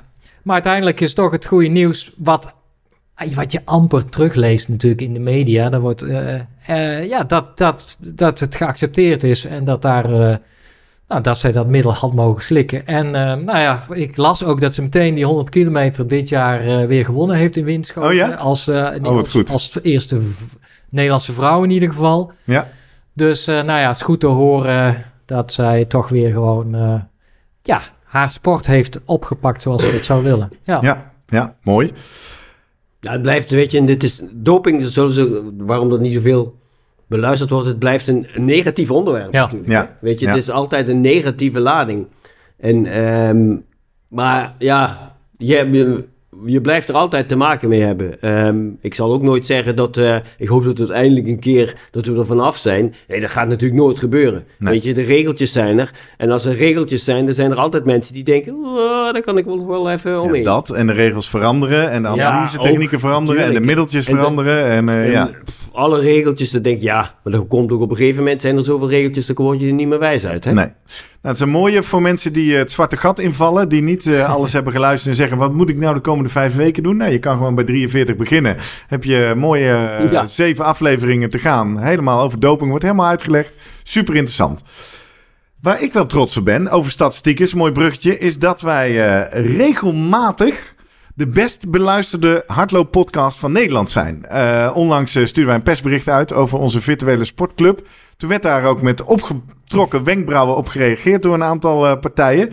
Maar ja, eh, Chartable is een onafhankelijk platform wat gewoon meet hoe vaak worden eh, podcasts gedownload. Dat kijkt hij overal in de categorie Nederland, in de categorie sport en dus ook in de categorie Nederland sport hardlopen. Ja, en daar staan wij toch heel vaak op nummer 1, ook wel eens op nummer 3, 4 en 5. Het is, zijn een beetje dagkoersen, maar ik heb hier een grafiekje in beeld voor de kijkers op YouTube. En dan is hij toch stabiel Ja. veel op nummer 1. Vind ik tof. Ik bedoel, we zijn natuurlijk breder dan hardlopen. Maar ja, er is geen categorie wielrennen of triathlon Oh, die of schaatsen. Oh, nee, nee, nee, ik- nee. Dat was mijn volgende vraag. Ja, ik wil nee, helaas. Ook cycling, ja, daar wil ik hem ook zien. daar willen wij hem ook zien. Nee, eh, het is daarna sport. Eh, dan kom je dus ook in concurrentie met de, de echte grote, zoals Oh. een Rode Lantaarn. eh, maar ook alle Formule 1 podcasts en alle voetbalpodcasts. Daar schommelen we meestal rond plekje 20. Tussen 20 en 35. Nou, vind ik toch ook mooi, toch? Nummer 20 eh, sportpodcast van Ja, Nederland. En volgens mij in België running hebben we ook wel Ja, eens, staan we ook eh, regelmatig op één. Ja, drie. dat is wel leuk dat je zegt. Nog wat statistieken van afgelopen jaar. We zijn in totaal 130.000 keer gedownload. 130.000 luisteraars. Kijk. Dat is even over onze hele eh, bestaansgeschiedenis. Daarvan ligt het zwaartepunt, namelijk 93.000 keer Ja. wel in het afgelopen jaar. Daarvan 79.000 in Nederland. En, je noemde het al, 14.000 keer in België. En dat merk ik ook op Instagram en op alle reacties. Dat we groot beginnen te worden in Vlaanderen. Dus eh, superleuk. Is Welkom. dat onze tongval, denk je? Of is dat... eh, Ik weet het niet zo goed. Ja. Nee, misschien kunnen luisteraars Guido, heb jij veel contacten in, in, in Vlaanderen? Nou ja, als eh, Limburger, eh, Ja. eh, misschien komt het een beetje overeen, maar eh, eh, Nee. ik heb natuurlijk wel ehm, in een gecombineerd Nederlands-Belgische wielerploeg gewerkt. Ja. Misschien dat dat het helpt. Ja. Dat netwerk. Nee, ja, het is leuk. En wat mooi is aan die cijfers. eh, eh, we begonnen ooit met 30 luisteraars per week. We zitten nu gemiddeld op eh 3000 luisteraars per week. Ongeveer 2000 luisteraars per aflevering. Ik zeg al tegen jou, Jurgen. Ja, kijk eens naar een alsof het een zaaltje Ja, is hier in de kamer, hè? Het stadion- begint nog aardig wat te worden. Vol, Zo, dat is veel. Ja, ja. Nog wat leuke statistiek. Eh, Spotify, misschien heb je het ook wel gehad, maakt eind van het jaar natuurlijk Wrapped. hè? Ja. Maakt die voor luisteraars, maar Ja. dan maakt hij dus ook voor makers. Ja. Van die eh, 130.000 downloads eh, zitten er ongeveer 45% op Spotify. Dus ongeveer een kleine helft. En dan krijgen we daar te zien dat eh 381 mensen eh, ons op nummer 1 hebben staan in hun rap. Oftewel, die luisteren meer naar de Slimmer Presteren podcast op Spotify dan alle andere podcasts. Ongelooflijk. Dat is een denk- mooi gezelschap, toch? Ja, je hebt, er zijn duizend podcasts die je kan luisteren. Ja. Minimaal, hè, Maar- toch? Ja, daar verdrink je in. Die van ons is meest waar. Maar dan de volgende, dat vond ik echt een wenkbrauw omhoog feitje. Wist jij dat op Spotify Ja. 205 mensen alle afleveringen hebben geluisterd? Zo. Ja. Tof, hè? Ja, vind ik stoer. Ik weet niet. Eh, en nogmaals, dan kun je dus misschien, als je dat Wie mag, dit? als je Ja, dit mag het, extrapoleren, dan zou je dus kunnen zeggen, de helft van onze luisteraars zit op Spotify. Dat het zou wel eens kunnen dat er dus meer dan 400 mensen in Nederland en Vlaanderen alle afleveringen hebben geluisterd. Betekent dus ook dat er nog heel veel mensen zijn die dat nog niet hebben. En ook die weer, zeg ik weer, komende vijf weken hebben wij even wintersport. Kun je lekker bijluisteren, kun je alles gaan terugluisteren. Ja, Om je in dit gezelschap eh, ik te voelen. bijna... Of het zijn ultrafietsers die... dus- Ja, wanneer doen ze dit? Ja. Hè? Hebben ze dit dan, hè, wat ik al zei, als je muziek luistert. Ik, Ja. ik luister dus muziek, niet onze eigen podcast. Ja, ik doe bij... eh, maar bij- wanneer doen ze het dus? Dus, dus, dus hardlopen kan ik me voorstellen met je Ja. koptelefoontje op. Fietsen buiten, dat vind ik dan alweer iets lastiger. op het randje, iets ja. gevaarlijker. Maar binnen fietsen dan weer wel. Ja. maar ik doe het bij minder intensieve trainingen. Ja. Dus eh, bij Ja. rustige duurlopen en zo doe ik al podcast mee. Ja, nou, ook eh, bij één uur. Eh, maar dan doe ik podcast mee. Ik doe het tegenwoordig ook wel in de auto. Hè. Doe ik een half uurtje Ja. even Radio Ja, 1 en dan ja, ja, heb ik het nieuws wel zo, gehoord. ja. En dan eh, gooi ik hem ook op. Nee, ook, ik nu ook Ja. minder, maar eh, nog wel eens. En eh, nou ja, wel eens als ik een beetje eh, de studio sta op te bouwen en zo eh, hier voor ons. Dan, ik ben benieuwd, misschien een uitnodiging na die 205 fans. Wanneer? Ja, wanneer? laat het wie, weten. Ja. wie, Ja, wie zijn dit? Ik bedoel, wie heeft als je er anoniem bingo? wil blijven, ook prima. Maar Ja, wie, durft hiervoor uit te komen? ja. Dat die, alle uit... En, en we gaan je heus niet testen van of je dat ook hebt gedaan, maar... Nou, eh, dat is ook een leuk idee voor ja. het jaar. De Slimmer Presteren podcast pubquiz. Er staat nog niet op de lijst met ideeën. Maar ik wil toch even, even een serieuze boodschap. Eh, deze piramide. Daar hebben we Ah, lang niet meer over gehad. Eh, voor de YouTube-kijkers, die zien hem in beeld. Maar ik zal hem voor de luisteraars rustig bespreken. Eh, want het is natuurlijk een soort piramide van hoe betrokken je kan zijn. En dat begint op niveau 1. Mensen die luisteren en kijken. Nou, ik zei het net al. Ik heb even wat cijfers erbij gezet. Dat zijn er nu zo'n 3000 per week. Eh, dat zijn er zo'n 2000 op de aflevering van die week. En dan nog 1000 die blijkbaar terugluisteren, vinden, beginnen. Dat is hartstikke veel. Maar het bevalt mij niet helemaal hoe zich dat doorvertaalt naar boven in de piramide. En ik, de reden dat ik het nu even wil aanstippen is, lieve luisteraar en kijker, we hebben jou nodig om voor onze plannen van seizoen 5 te bewijzen dat je er bent. Want we willen op weg naar de honderdste aflevering, kan ik nu wel een tipje van de sluier, willen we een mooi live event doen. Ja. Daar willen we allerlei bedrijven en organisaties benaderen om eh, iets in een goodie bag te stoppen. Maar ja, die zeggen dan, nou laat het zien dan. Hoeveel mensen zijn dat dan? Ja, ik kan wel zeggen 3000 eh, downloads. Maar ja, dan kijken ze op onze socials. En dan zien ze dat niet terug. Dus ehm, in totaal hebben we nu zo'n 4.500 abonnees. Oftewel mensen die op dat knopje abonneren hebben gedrukt op YouTube of op eh, Apple Podcast of op Spotify. Als je dat nog niet gedaan hebt, doe dat dan meteen. Maar dat gaat best goed. Maar dan die vertaling naar die socials, hè, eh, naar Twitter, @slimmerpodcast of Instagram, slimmerpodcast. Mwah, kan beter, zeg ik dan. Hè. We zitten nu, nu ik het gemeten heb, op eh, zo'n 330 Twitter-volgers en eh, 550 Instagram-volgers. Moet op Ja. TikTok, Ja, nee. zeg ik dan. Ik wil gewoon dat iedereen die nu luistert en kijkt, gewoon even, ook al zeg je, het boeit me niet wat die gasten doen op Instagram, toch even drukt op volgen. Want dat helpt ons om naar die organisatie te zeggen, kijk, dit is ons bereik. Ja, en dan wordt het helemaal snel minder. We hebben een mailinglijst. Als je naar onze website gaat, www.slimmerpodcast.nl, krijg je zo'n pop-up, eh, meld je aan voor de mailinglijst. Nou, daar staan nu 50 man op. Ik schrijf hier 50 tot 75. We hebben wel meer mensen die ons mailen. Dat is een hartstikke leuke interactievorm. Wat ook redelijk goed gaat, is dat we op eh, Apple Podcast nu zo'n 75 mensen hebben die ons gereviewd hebben. Ja, als je dat nog niet gedaan hebt, kleine moeite. Druk even of op 5 sterren of 3 sterren, whatever. Maar laat het even weten. En ik kreeg een eh, e-mail van Spotify. Dat in het nieuwe jaar Spotify ook reviews en ratings gaat Ah. introduceren. Dus aan al die luisteraars op Spotify, zodra je de optie hebt, druk daar ook even lekker op die 5 sterren. Want het helpt dan weer om meer mensen onze podcast te laten ontdekken. Dus dat is natuurlijk leuk. En dan komen we bovenin eh, bij, eh, bij twee belangrijke dingen. Vriend van de show, dat kon je altijd worden al eh, de afgelopen anderhalf jaar. Dan kun je voor gemiddeld één kop koffie per maand doneren. Ja, en dat was het dan, hè Jurgen. Dan, dan, dan steunde je onze podcast financieel. Daar kochten wij van alles van. Daarmee probeerden we uit de kosten te komen. Maar we hebben ook tegen elkaar gezegd... we moeten die vriendschap meer invulling gaan geven. Oftewel, we gaan meer terug doen voor vrienden. En het eerste hebben we onlangs eh, gelanceerd in de aflevering met Lieke Schiphof. Dat was onze virtuele Strava Club. Nou, en daar zitten nu al 40 mensen in. En voor de kijkers op YouTube die denken, hè, hoe kan dat nou? 38 vrienden van de show, 40 mensen in die club. Dat komt omdat we ook als, al onze special guests Ja. hebben uitgenodigd. Leuk. En hebben daar massaal op gereageerd. Ja. Dus je kan nu zien hoe verschrikkelijk veel Wouter Hoogkamer hardloopt. Ja. Is je dat al opgevallen? Hoe verschrikkelijk veel Thijs Zonneveld op de fiets zit. Nou ja, en, dat klopt ook. en nog steeds heel hard fietsen. maar ja, dat is ook een halve prof. Ja. We hebben die club Ja. natuurlijk opgericht niet om ons schuldig te voelen over hoeveel zij sporten, maar om te zeggen nee, ook kleine loopjes, langzame loopjes, daar geven we duimpjes eh, op. Dus ik ben druk bezig, hard duimpjes uitdelen. dus eh, ja, toch maar even zeggen, jongens, eh, doe mee, word vriend van de show, abonneer je op onze socials en word lid van de Slimmer Presteren Strava Club. Heb jij er al in gekeken, Jurgen?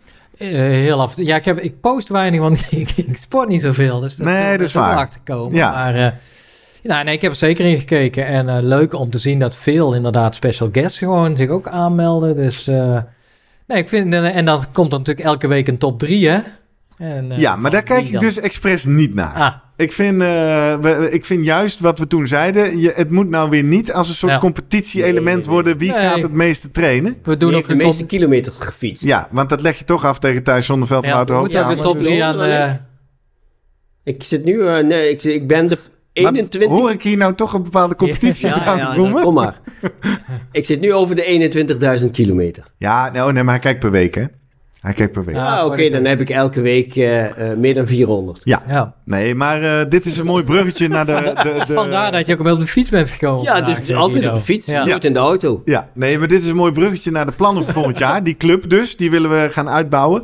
Eh, we willen meer met vrienden doen. En eh, ik heb dus in onze Slimmer Presteren. Club op eh, Strava ook al wat evenementen aangemaakt. Waarin we samen gaan sporten. Allereerst natuurlijk de Rotterdam Marathon. Hè. Daar moeten we ons op eh, revancheren. Ik in ieder geval. En eh, er zijn al aardig wat mensen die meegaan naar 10 april. Als jij het overweegt, je hoeft niet de hele marathon te doen die dag. Je kan ook eh, een kwart marathon daar lopen. Een halve volgens mij. Laatste kilometer. Niet. Nee, de halve niet. Nee, halve Daar niet ik nog naar gekeken. Nee, dus je kan een kwart marathon ja. doen. Dat is dan eh, ruim 10 kilometer of een halve. Dan ben je toch in Rotterdam, 10 april. We doen de hele. Maar dan op 21 mei, save the date. Eh, dat is zes dagen voordat de honderdste aflevering gaat uitkomen. Die staat gepland als we gewoon netjes na vijf weken winterstop weer beginnen en iedere vrijdag bij je zijn. Dan komen we op 27 mei, zeg ik uit mijn hoofd, op de honderdste aflevering. Nou, daar, daar willen we natuurlijk iets omheen doen. Dus ik heb even teruggedacht. Ik dacht, dat moeten we natuurlijk op een zaterdag doen. Zaterdagochtend 21 mei hebben we een mooie locatie hier in Leersum. Gaan we eh, maximaal 100 vrienden van de show uitnodigen. Dus ook weer een reden om vriend van de show te worden als je het nog niet bent. Eh 100, want ja, 100ste aflevering. Misschien wordt het eh, 30, maakt me niet uit. Maar maximaal 100. Ja. Daar gaan we eh, natuurlijk elkaar ontmoeten. Eh, daar gaan we een live aflevering opnemen.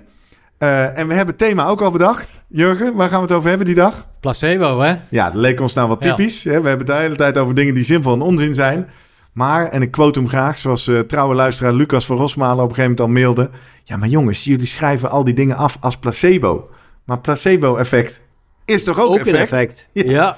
Dus die dag willen we helemaal erin duiken. Hoe kan dat nou? Waarom werkt dat nou zo? En wat zijn nou de beste placebo's die je kan gebruiken? Kun je placebo ook trainen, hè? Voor jezelf. ja, toch? Ja, precies. Nou. Ja, dus eh, dat is eh, zaterdag 21 mei. Zet het in je agenda. En eh word vriend van de show. Dan krijg je zelf ook een uitnodiging. En daar staat ook al 27 augustus, laatste eh, zaterdag van augustus, de eh, cross triathlon in Renkum. En ook daar zijn al wat mensen die zich hebben aangemeld. En die 21ste lijkt me dus ook leuk dat na die aflevering, na die ontmoeting, we ook ofwel gaan fietsen of gaan lopen met elkaar. Toch Guido, doe je mee? Ja, ja, fietsen wel. Jij gaat fietsen, ja precies. Ja. Jij gaat met de fietsgroep mee. Ja, ik denk de dat, eh, ja, precies. Ideaal. Ik denk dat Jurgen en ik ons gaan verdelen. Ik denk dat ik dan mag gaan rennen en dan mag jij kiezen, eh, Jurgen. En dan, eh, ik zie wel nu dat de aanmeldingen voor de ride zijn al wat populairder dan eh, voor de run. Maar goed, het moet allemaal nog een beetje vorm krijgen natuurlijk. Zou ik ook doen. En als we het dan toch over die marathon van Rotterdam hebben, dan moeten we misschien nog maar een leuk nieuwtje aankondigen voor het nieuwe jaar. Want, meneer Vroemen, Ja, je zit hier Vertel. leuk aan de koffie. ja. Want wij gaan ook wat doen, hè?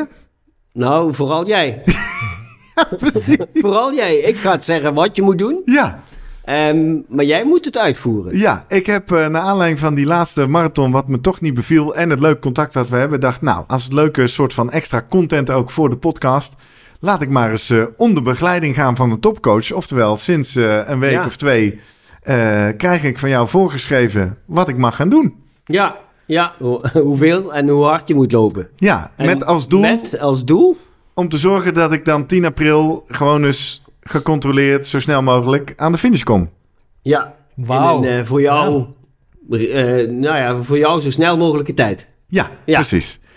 Participerende journalistiek. Ja, dat wordt dat dan, hè? Dat ga jij natuurlijk een Ja. beetje bijhouden. En Ja, melden in, ga ik in de terugkoppelen. podcast. En, eh, En we maken gebruik van, van allerlei sensoren. en leuk. Nou, dat maar is... kon, eh, kon- mocht hij zomaar bij jou... eh, ja, wat een zware selectie? Of Ja, ja, heeft hij veel betaald? Nee, nee, Eh, ja, dat was natuurlijk ja, dat is wel goed trouwens om te zeggen. Ik betaal een hele gewoon, hè? Ja. Ja. Het was een hele discussie inderdaad, dus we hebben daar wel even moeten kijken. Ja, maar Gerrit, Let op even wel, nog, hè? Audioproduct, hè? Neem je- die podcast mee, hè? Of die microfoon, ja. Je moet wel ehm, ah, heel erg hard je best doen. ja. Want ehm, eh, ik wil wel dat je het alles en eh, eh, het beste uit jezelf gaat halen.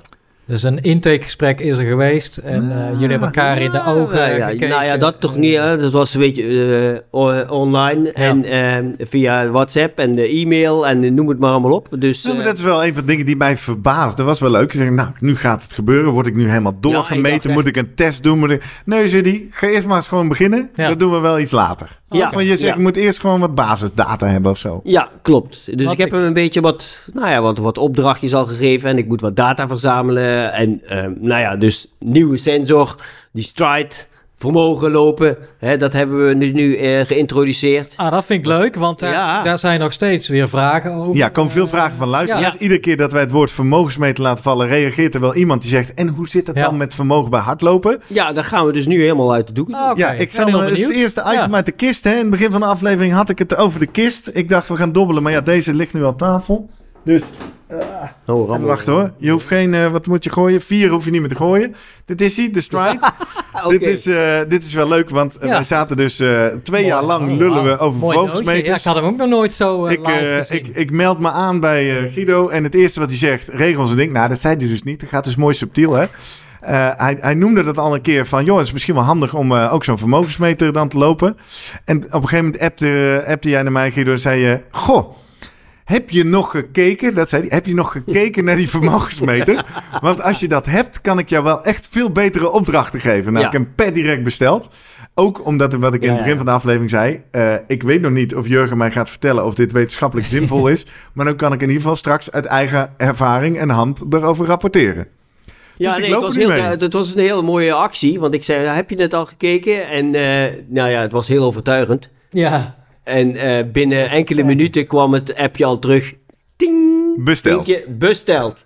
dus je ziet Nou, commitment. ja zeker. Dat En ik wil jullie toch even meenemen eh, wat er gebeurde. Ik heb onlangs voor eh, Guido een, eh, een stride looptest gedaan. Ik moest voor jou Oh, ja, ja, eh, ja, drie ja, keer ja. één minuut hard, drie minuten voluit, negen minuten voluit. Ja, Heb ik netjes eh, gepost op Strava. Reacties, jongens. Echt, ze vlogen erop. Albert Rijtma, mooi resultaat. Al een aanpassing aan je critical power ja, binnen. Ja. Het gaat, gaat natuurlijk binnen. Vervolgens, eh, Michael Bentvelsen, vriend van de show. Mooi effectief trainen. Ben benieuwd naar de aflevering over de vermogensmeter met een grote smiley. Johan Ursum, UATT clubgenoot. Ben benieuwd wat je ervan vindt. Ik vind het een topding. Maar, zegt hij, zolang je hem niet in de bergen of op onverhard gebruikt. Nou, moet je misschien Maar zeggen, bergen Johan... werkt wel, onverhard gaan we niet door de... Dat, dat klopt. Je moet niet door de mulle zandbakken heen gaan Ah, rennen. oké, kijk. Eh, want dan ehm, klopt het niet helemaal. Precies. Maar in de bergen kan prima. En toen, tot mijn eigen verbazing, kunnen jullie net niet lezen op het scherm. Koen de Jong zelf kwam even op mijn Strava. Wij die- kennen elkaar uit de Ja, tijd ja, dat ik met hem een vlogje gemaakt heb. Hij is natuurlijk ook nauw betrokken bij Ja. de jongens van ProRun. Heeft heb- een e-book geschreven. Hij zegt, ben benieuwd naar de podcast, Gerrit. Heb je al doelen of wensen of plannen met de stride? Nou ja, zeker. eh, Marathon Rotterdam. En ook eh, Christine Hiemstra schrijft... eh, bij mij was het niet alleen koud, maar... Oh, dat ging nog even over dat het die dag onder nul was. Ja, maar Dus, Koen, Koen is natuurlijk ook al lang geleden door mij al een beetje zo richting vermogen. En dat was het allemaal niet. En ze- ondertussen is hij ook gewoon daar wel wat meer van overtuigd geraakt. Ja. oh, kijk, maar het werkt wel. Nee, want ik heb dus deze... En wederom, wij zijn helaas ProRun, jongens. Misschien moet je eens over nadenken. Maar we zijn op dit moment niet gesponsord door ProRun. Maar ik heb hem daar dus wel besteld. Eh daar krijg ik daar meteen een e-book bij. eh, geschreven Ja, door ja, Koen ja. de Jong met de mannen van ProRun. Dat heb ik netjes gelezen. Waarin, Hans eh, en Ron. Ja, Hans Ja. en Ron. Waarbij eh, Koen dus ook schrijft dat hij toch om is inderdaad. En nu traint op vermogen. Even... Ja. Hier komt nog een aflevering over, Ja. maar even als, als teaser. Ja. Waarom zei je tegen mij, ik kan je dan veel betere opdrachten geven? Wat, wat is het belang voor jou als, als mijn trainer-coach? Nou, dat, ik kan je op een gegeven moment ik kan je op verschillende manieren opdrachten geven. Dat kan aan de hand van hartslag. Maar, weet je, hartslag vind ik dan eigenlijk meer een reactie op de prikkel. Dus dan wil ik weten hoe jouw lichaam reageert. Ehm, dan kan ik wel ook gaan eh, opdrachten geven aan de hand van snelheid, GPS.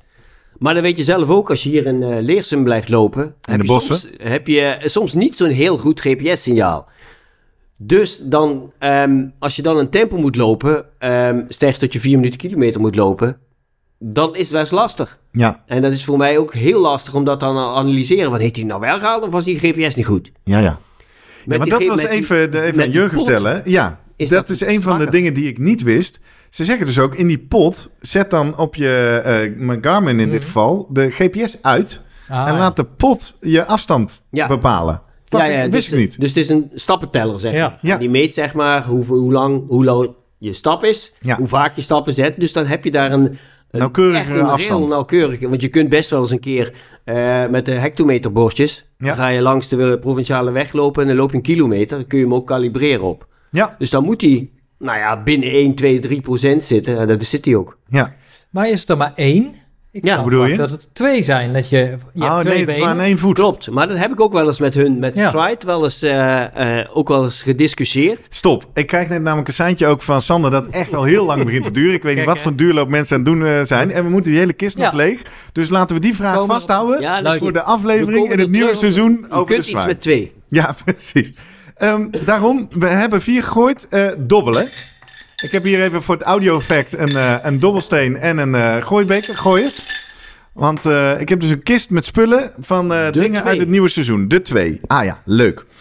Linda Zenger stuurde ons een bericht. Want die zag dat de Survival Run Bond een, een, een post had geplaatst over iets heel bijzonders. Ik heb het hier in cadeauverpakking. Jurgen, pak het eens. Oh nee, jij hebt gegooid. Guido, pak het eens uit. Want hier gaan we het ook in het nieuwe seizoen over hebben. Moet je een beetje dat papier zo naast je microfoon laten knisperen. Dat is leuk voor de, de geluidseffecten. Ja, heel goed. Jee, hij krijgt gewoon een, een, een envelop. Ja, een envelop. Prettige eh, feestdagen. Ja. Het is dus brievenbuspost. Het, ik heb de factuur hier nog liggen. 25 euro voor twee keer twee stuks. En eh, dat vind ik al behoorlijk aan de prijs. En Linda ook, want het is... Wat heb je voor je liggen? Moet je weer even in die microfoon praten? Nutri-tape. Precies, Nutritape. Lab Oftewel, Tested. met de belofte dat je een pleister... Jij had eh kinesiotape op je rug. Dit product beweert dat als ik dit op mijn bovenbeen... Volgens mij, als ik het goed heb, plak... Dat ik dus mijn 40 minuten voedingsprobleem... Van tevoren. 5 Ja. minutos antes de practica deporte. Oftewel, eh, wat ik zei, Li- Linda Zenger, eh, haar wenkbrauwen gingen ook omhoog. Goh, is dit wetenschappelijk bewezen? Werkt dit zo? Kan je, kan je op deze manier voeding innemen? Nou, we hebben net vastgesteld in mijn halve marathon. Ja. Ik zou best wat Had extra koolhydraten kunnen gehad? gebruiken. Ja. Dus eh, dit wordt een van de onderwerpen waar we Ja. in het eh, nieuwe seizoen het over gaan hebben. Nutritape. Het werkt ook supraorbitaal. Ja, en we gaan het dus eh, uitproberen. Nou, Guido, ik zie al aan jouw reactie. Jij hebt er nog nooit van gehoord. Ehm, Of in ieder geval Nee. niet mee gewerkt. nee, ik, lijk- weet je, ik vind eten ook lekker. Maar Ja. daar heb ik geen smaak bij. Nee, en ik moet zeggen, ik zei dus al even de prijs. 25 euro voor twee van dit soort pleisters. Het moet wel heel erg goed werken. Moet het dat waard zijn? Maar dat gaan we dus Zo, uitzoeken. dat is nog duurder dan ketonen. Precies. Zinvol of onzin? Niet die tape. Eh Jurgen, ga eens gooien. Ja, ik ben benieuwd wat je voor mij hebt. Hè? Dan hebben we een stukje onvoorspelbaarheid. Ja hoor. Ja De hoor, zes. de De 6. zes. Ah, leuk. Leuk, leuk, leuk, leuk. Eh, de 6. Ja. De 6. De zes. We hebben geen zes. Oeh, we we hebben een dobbel. Oh, de 6. Oh, Ja. oké. Ah. Kijk, oh, ik krijg het Nee. bijna niet getild. Oh nee. Ah, Naar aanleiding even. van een bericht van Ja. Hans Luijendijk. Hans die eh, tipt ons regelmatig op Instagram. Moeten jullie het hier niet over hebben? Moeten jullie het hier niet over hebben? Waar. Hij is, eh, hij is echt heel zwaar. Til maar eens op. Wauw. Lomp hè? Wij hebben het hier, Voor beste luisteraars, al, over een pak de, met een verzwaringsdeken. Dit is dus eh, een dekbed van 7 kilo. En Hans stuurde mij een bericht door uit de Men's Health. Waarin er stond dat een verzwaringsdeken goed zou zijn voor sporters. Want het zou je beter doen slapen. Nou, daar hadden we het eerder in deze aflevering al over. Slaap is de belangrijkste Ja. parameter in, hotel, eh, in, Ja. in herstel. ja, ook in een hotel. Ja. Dus ja, ehm, fascinerend. Je hebt ze voor eh, bijna 200 euro. Dus toen ik dat zag, dacht ik, nou Hans, ah, Ja. leuk meer dingen uitproberen, maar dat ga ik niet doen. Maar ik heb even doorgegoogeld en uiteindelijk vond ik eh, op een website enorme aanbiedingen. Deze heb ik voor 40 euro kunnen bestellen. Ik dacht, nou, met die 40 vrienden van de show aan één kopje van eh, per maand kan het wel uit. Daarom, hè, vriend van de show, met dat geld kunnen we dit soort dingen kopen. Ehm, dus ik heb hem besteld en ik slaap er al even onder. Je ziet er uitgeslapen uit, Gerrit. Eh, heeft dat hiermee te maken? Of niet? Ja, nou ja, ook hier komt nog een hele aflevering over. Ik moet zeggen, na de eerste bevindingen, ik vind het best wel lekker. Ah. Ik vind het, eh, ja, het legt je dus echt gewoon neer. En En dan snap ik ook de commentaren. ja, ik ging dat dus maar even loggen, want ik dacht, In dan kunnen we dat... stond altijd versdeken. Ja, want ik dacht, dan kunnen we misschien kijken Nou, of dat iets doet met de HRV of, eh, of wat dan ook. Ja, We zetten hem even nog Ja, daar neer. staat hij voor mij. Ervaringsdingen. Waited for relieving stress and anxiety. Ja, Jurgen, weet je hoe dit werkt met camera's? Waarschijnlijk is het nu onscherp, want het staat En er veel te zit dicht voor de camera. glass beads in, hè? Gra- ja, glass beats. Ja. Dit maakt het wel. Maar het is echt een absurd gewicht, hè? Ja, 7 kilo. Dus daar komt ook een aflevering Leuk. over. De verzwagerdekens. Eh Ik mag hem ook testen, hè, Is toch? die ook warm? Ja. Ja. Dus eh, ik had, ik had eh, dubbel dekbed, hè? Zomerdekbed met zo'n winter-herfstdekbed. Ja. En ik heb nu een van die twee eruit gehaald en deze eroverheen gelegd. Ja, heerlijk. Ik vind het wel lekker. Beetje, eh, maar ja, of het wetenschappelijk... Bakers liggen, Ja, toch? hè? ja. ja, ja. ja. Maar het is Hoe één het persoon. Eén persoon is deze. Ja, dus nou, de, ik zal daar af- van Hebben alles we het over over. vertellen Ja. in de aflevering over de verzwaringsdeken. nou, Nee, sorry. maar wat dat voor de kwaliteit van slaap doet, dat eh, weet ik ook nog niet. Ehm dobbel nog eens. Oh. Ja. Maar geen dubbele. Ja, ik heb een hele kist vol natuurlijk. Weer een twee. Twee hadden we al gehad, ja. Weer twee. Ik gooi steeds Gooi nog eens. super twee. Weer twee. Wat doe je? Ik kan het. Vijf. Vijf. Ja, oeh, dit is er ook een. Alleen maar twee. Een thema waar we het al veel over hebben gehad in de podcast is natuurlijk, zeker naar aanleiding van de marathon, Ah. schoenen. Schoenen. Dus ik heb ook wederom, ja, nou is dit gesponsord? Nou, niet echt, maar wel deels. Ik heb een vriend van mij, werkt bij Nike. En die kreeg ook lucht van dat wij de best beluisterde hardlooppodcast van Nederland zijn. Dus die zit al de hele tijd, loop je al op Op? die nieuwe Nike's? Oh, jongens toch. Ik zo, nee, nee, nee, die heb ik niet. Nou, hij kan die met grote korting krijgen. Dus in die zin twijfel ik even, is dit gesponsord? Nou, ik heb ze in ieder geval voor veel korting kunnen kopen. Dit zijn een apparaten, jongens. Als je nu luistert, je zou er bijna voor naar YouTube gaan.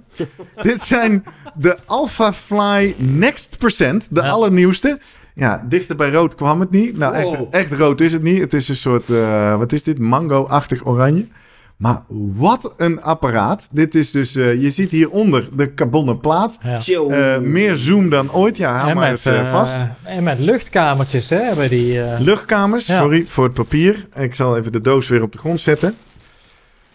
Dus eh, die eh, heb ik mezelf maar voor de kerst eh, cadeau gedaan. Nogmaals, met significante korting hoor. Ik weet niet of ze eh, het geld helemaal waar zijn. Maar de- eh, ja. flink hè? Super licht, hè? Want Ja, je denkt superlicht. van, Wauw. De dat, bovenkant is helemaal niks. Is letterlijk eh wat hadden we mesje. ook alweer als eh, streeftijd. Daar hebben wij nog niet Oh, vastgesteld met elkaar. Oké, doe er maar weer 10% af. Ja, denk je? Je bent onder de indruk van deze stappers? Oh, je 4 is het. 4% gaat sneller. Ja, dat was die eerste generatie. Dit is alweer de volgende Nee, generatie dit dus hè? blijft, Dit blijft er Ja, daar zijn 4% geen onderzoeken mee gedaan. Nee, maar, maar, dat, ik eh, verwacht dat dat een beetje hetzelfde Ja. Zeg. want- Wel leuk hè, er staat dan opgeprint op de zool, measured in the lab. Nou, Ja. dat is dus het lab Ja, van ja. Wouter Hoogkamer, aflevering 37 hebben wij gesproken. En Wouter is dus ook lid van de Slimmer Presteren Strava Club. Dat is die man die zo verschrikkelijk veel loopt. Wetenschapper in Amerika. Ja, nou, ik ga ze uitproberen, eh, de nieuwe stappers. En als ze bevallen dan, eh, en het mag van jou Guido, dan ga ik in Rotterdam oplopen. En dus, Niet te even, veel, want anders... maatje groter gekocht hè, even eh, voor de zekerheid. Dus die heb ik geleerd. Ik ben heel benieuwd als jij hier gaat lopen, dan word je achterna. Ja, maar Iedereen kijkt je na van, hè? Wat komt daar voorbij? Wat Ja, heeft die gast aan zijn voeten? Ja. Ja. nee, dat, dat heb ik ook wel een beetje. Het zijn Wow. echt, echt Het is niet gewoon oranje. Het Nee, is gewoon... nee. eh, Hey, ik heb nog twee items in mijn kist. Dus eh, gooi nog eens eh, ja, één of drie. Vier. Vier. Hebben we, ja, er was de, de strike. Die hebben we al besproken. één of drie. Eén of drie. Zet Nou, me niet gewoon- onder druk. Leg hem maar eh. gewoon neer. Één. Leg hem maar gewoon neer. Ja, Eén. Ja, één. één, één, één. Yes. Kijk, leuk. Eén heeft eh, te maken met het feit dat wij nu als volwassen podcast en met meer en meer fans en vrienden toch ook een beetje moeten gaan werken aan onze merchandise. Dus ik heb hier ook voor jullie officieel de allereerste lekker grote, slimmer presteren podcast stickers. Ja, die eh, op je schuurdeur, Ja, ja, op je... ja. Nou, ik zou hem denk ik niet op mijn fietsplan... Nou ja, ik, op, je, op je helm. Ze zijn lekker groot en lomp, zodat je ons altijd kan vergeten. Ehm, of eh, vergeten, ons nooit gaat vergeten natuurlijk.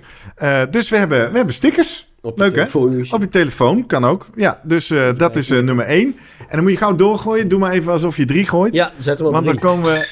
Drie! Ja, drie, heel goed. Dan komen we bij het volgende nieuwsbericht. Ik zet hem ook even voor de kijkers op YouTube in beeld. We gaan namelijk vanaf eh, januari onze eigen webshop openen. Oeh. Met daarin, en dat is waar je drie voor gegooid hebt. Je hoorde hem al, de live online events. Ding dong. Mm, Emaille mok, eh roestvast, on, eh, on, eh, niet kapot te krijgen. Maar Ja. in die traditie hebben we dus nu ook te bestellen via onze webshop. Zo. Ah, die vind ik wel mooi. Ja. Ja, dat is leuk, hè? Goed ingepakt. De Emaille Slimmer Presteren Koffiemok. In het kader van jouw wekelijkse kop koffie met. Die moet Kun je hem hebben. altijd in iedere tas gooien. Kun je Oh. met ons mee koffie drinken. Kamperen, trips. eh, Leuk, hè? Super. Nou, en die is dus eh, eh, te krijgen in de webshop vanaf ongeveer half januari. Geef me even een beetje slack om alles eh, op orde te krijgen als je dit nu meteen luistert op 1 januari. Begin maar al te klikken. Begin maar vast. Nou ja, als je goed zoekt kan je hem vinden, maar eh, je kan zelfs al bestellen. Ja, man. Maar ik eh, ben pas 10 januari terug van vakantie, denk ik, dus dan kan ik pas sturen. Hey, je kan ook een boek kopen, zie Je je. kan daar een boek kopen, want eh, dat is wel, eh, wel mooi, eh, mooi nieuws. Hè? Eh, voor, eh, we hebben, het- in onze eerste twee seizoenen hadden we de running gag dat we iedere aflevering zeiden... Goh, Jurgen, auteur van een boek, Het Maakbare Uur. Nou, op een gegeven moment was daar de lol wel vanaf. Maar Jurgen, vertel eens, jij kreeg een mailtje van je uitgever? Ja, dat ze gehoord hadden dat ik een webshop eh opende. Nee. Nee, dat het boek, eh, ja, eh, dat ik de mogelijkheid heb om het, het boek gaat er een, nee, dat gaat er niet uit. Nou, er was toch wel iets mee. Ze gingen een soort van. Hij ging Ging naar een- print on demand. Ja, zo. precies, dat Ja, is het. Dus dat hij is het. nog steeds eh, Ja. gewoon te koop via eh, de bestaande boekhandels. kanalen, maar hij is nu ook te koop via onze webshop en dan weet je zeker dat, Dat hij je hem bij jou gesigneerd is. En Oh, dan, ja. eh, ja. Oh, dat moeten we even toevoegen. Ja, gesigneerd exemplaar Ja. van het Maakbare Uur. Ehm, wat we er ook in hebben gezet. Ik heb hem eh, voor vandaag maar aangetrokken. We zijn natuurlijk een beetje aan het klooien geweest met merchandise, met shirts. Dit is de eerste generatie. Dat is een mislukking hè? voor de kijkers op YouTube. Zien het. Dit is een, eh, een plaat. Als je dat één keer wast, dan Ja, is hij gekreukeld. Dat komt niet goed. Dus ik heb nieuwe witte katoenen shirts laten maken... die wel in de wasmachine kunnen. Kun je daar bestellen. Eh, de mokken kun je daar bestellen. De stickers, vier stuks voor veel geld kun je daar bestellen. Want dan worden ze natuurlijk heel bijzonder als je ze krijgt. en, heel bijzonder, omdat we natuurlijk samen gaan rennen... en naar eh, allerlei events toe gaan... hebben we ook slimmer presteren running shirts laten maken. Oh. Toen moesten we de kleur kiezen. Jurgen, toen zei jij... Ik zei wit, hè? Ja, want dat is goed voor de koeling, hè? Ja. Dus eh, mooie witte shirts. Valt goed op in het eh, peloton. Blauwe opdruk. Slimmer presteren podcast. Eh, een mannenmodel en een vrouwenmodel. En eh, ja, ik hoop dat... Want, want dat heb ik nu altijd. Als ik dan mensen zie sporten met oortjes op... dan denk ik altijd, misschien luisteren ze wel naar onze podcast. Ja, dat- Ja. Maar ja, ze kunnen mij niet herkennen. Dus ik denk, als ik nou met zo'n podcast shirt ga rennen... Ik Leuk. wil hem vooral zelf hebben. En je snapt het, in de webshop significante korting voor vrienden van de show, hè? Petjes Dus, eh. Petjes, ja? Petjes moeten we hebben. Nou ja, dat is een andere oproep. Verkoeling afschermen voor de, voor de zon. Nou, dat kan een volgend item worden. En eh, bij deze dus ook een oproep aan alle fans eh, die zeggen... nou, weet je wat ik nou zou willen hebben van, willen hebben van de Slim Presteren podcast? Dan laat je ons dat weten via de bekende kanalen. En dan eh, gaan we dat eh, misschien wel toevoegen aan onze Ik- webshop. ja, ik denk een, een Auro-ring of Ja, eh, joh. Ja, nou ja. Schoenen. Maar ik, Moeten we- ik denk wel dat we nog een event bij moeten maken als ik het nog niet zo. Welke dan? Welke dan? Nou, we moeten, eigenlijk moeten we een, eh, een luisteraar hebben die zichzelf hoog inschat en die denkt, ik kan ook zo'n uur afzien. Ah, het, eh Hè, Dus- dan hebben we het boek erbij, het Ja? wereldrecord, ja. de begeleiding, En kom dan- maar op en we gaan ergens dan een uurrecord aanvallen. Ja, maar misschien niet meteen een uur record aanvallen... maar misschien eens een uur challenge doen. Ja, maar Hoe ver wel, kom jij nou in een uur? ik Ja. vind het wel leuk, want Ja. eh, het, het is weer een nieuw waar. leven ingeblazen hè, dit ja, jaar wel. Ik vind met, het uur eh, gewoon mooi. Ja, Alex Dowsett die het dan niet haalde. Wat vond ik Nee, dat verrassend. klopt. Ja. Maar nu wordt eh, Ghana genoemd voor volgend ja, jaar. maar dan is het echt klaar. Maar gaan we dan ook op de baan, Guido, of buiten? Nou ja, weet je waar je het, praktische kunt, eh, het Ja. beste kunt regelen? Een mooi En parcours. als je het met meerdere gaat doen, dan moet je dat natuurlijk... Kijk, in Geleen ligt een mooie open baan. Die Ja. is 500 meter. Die is redelijk Ja. eh, goed ook eh, eh, voor elkaar te krijgen om daar iets te gaan doen. Leuk.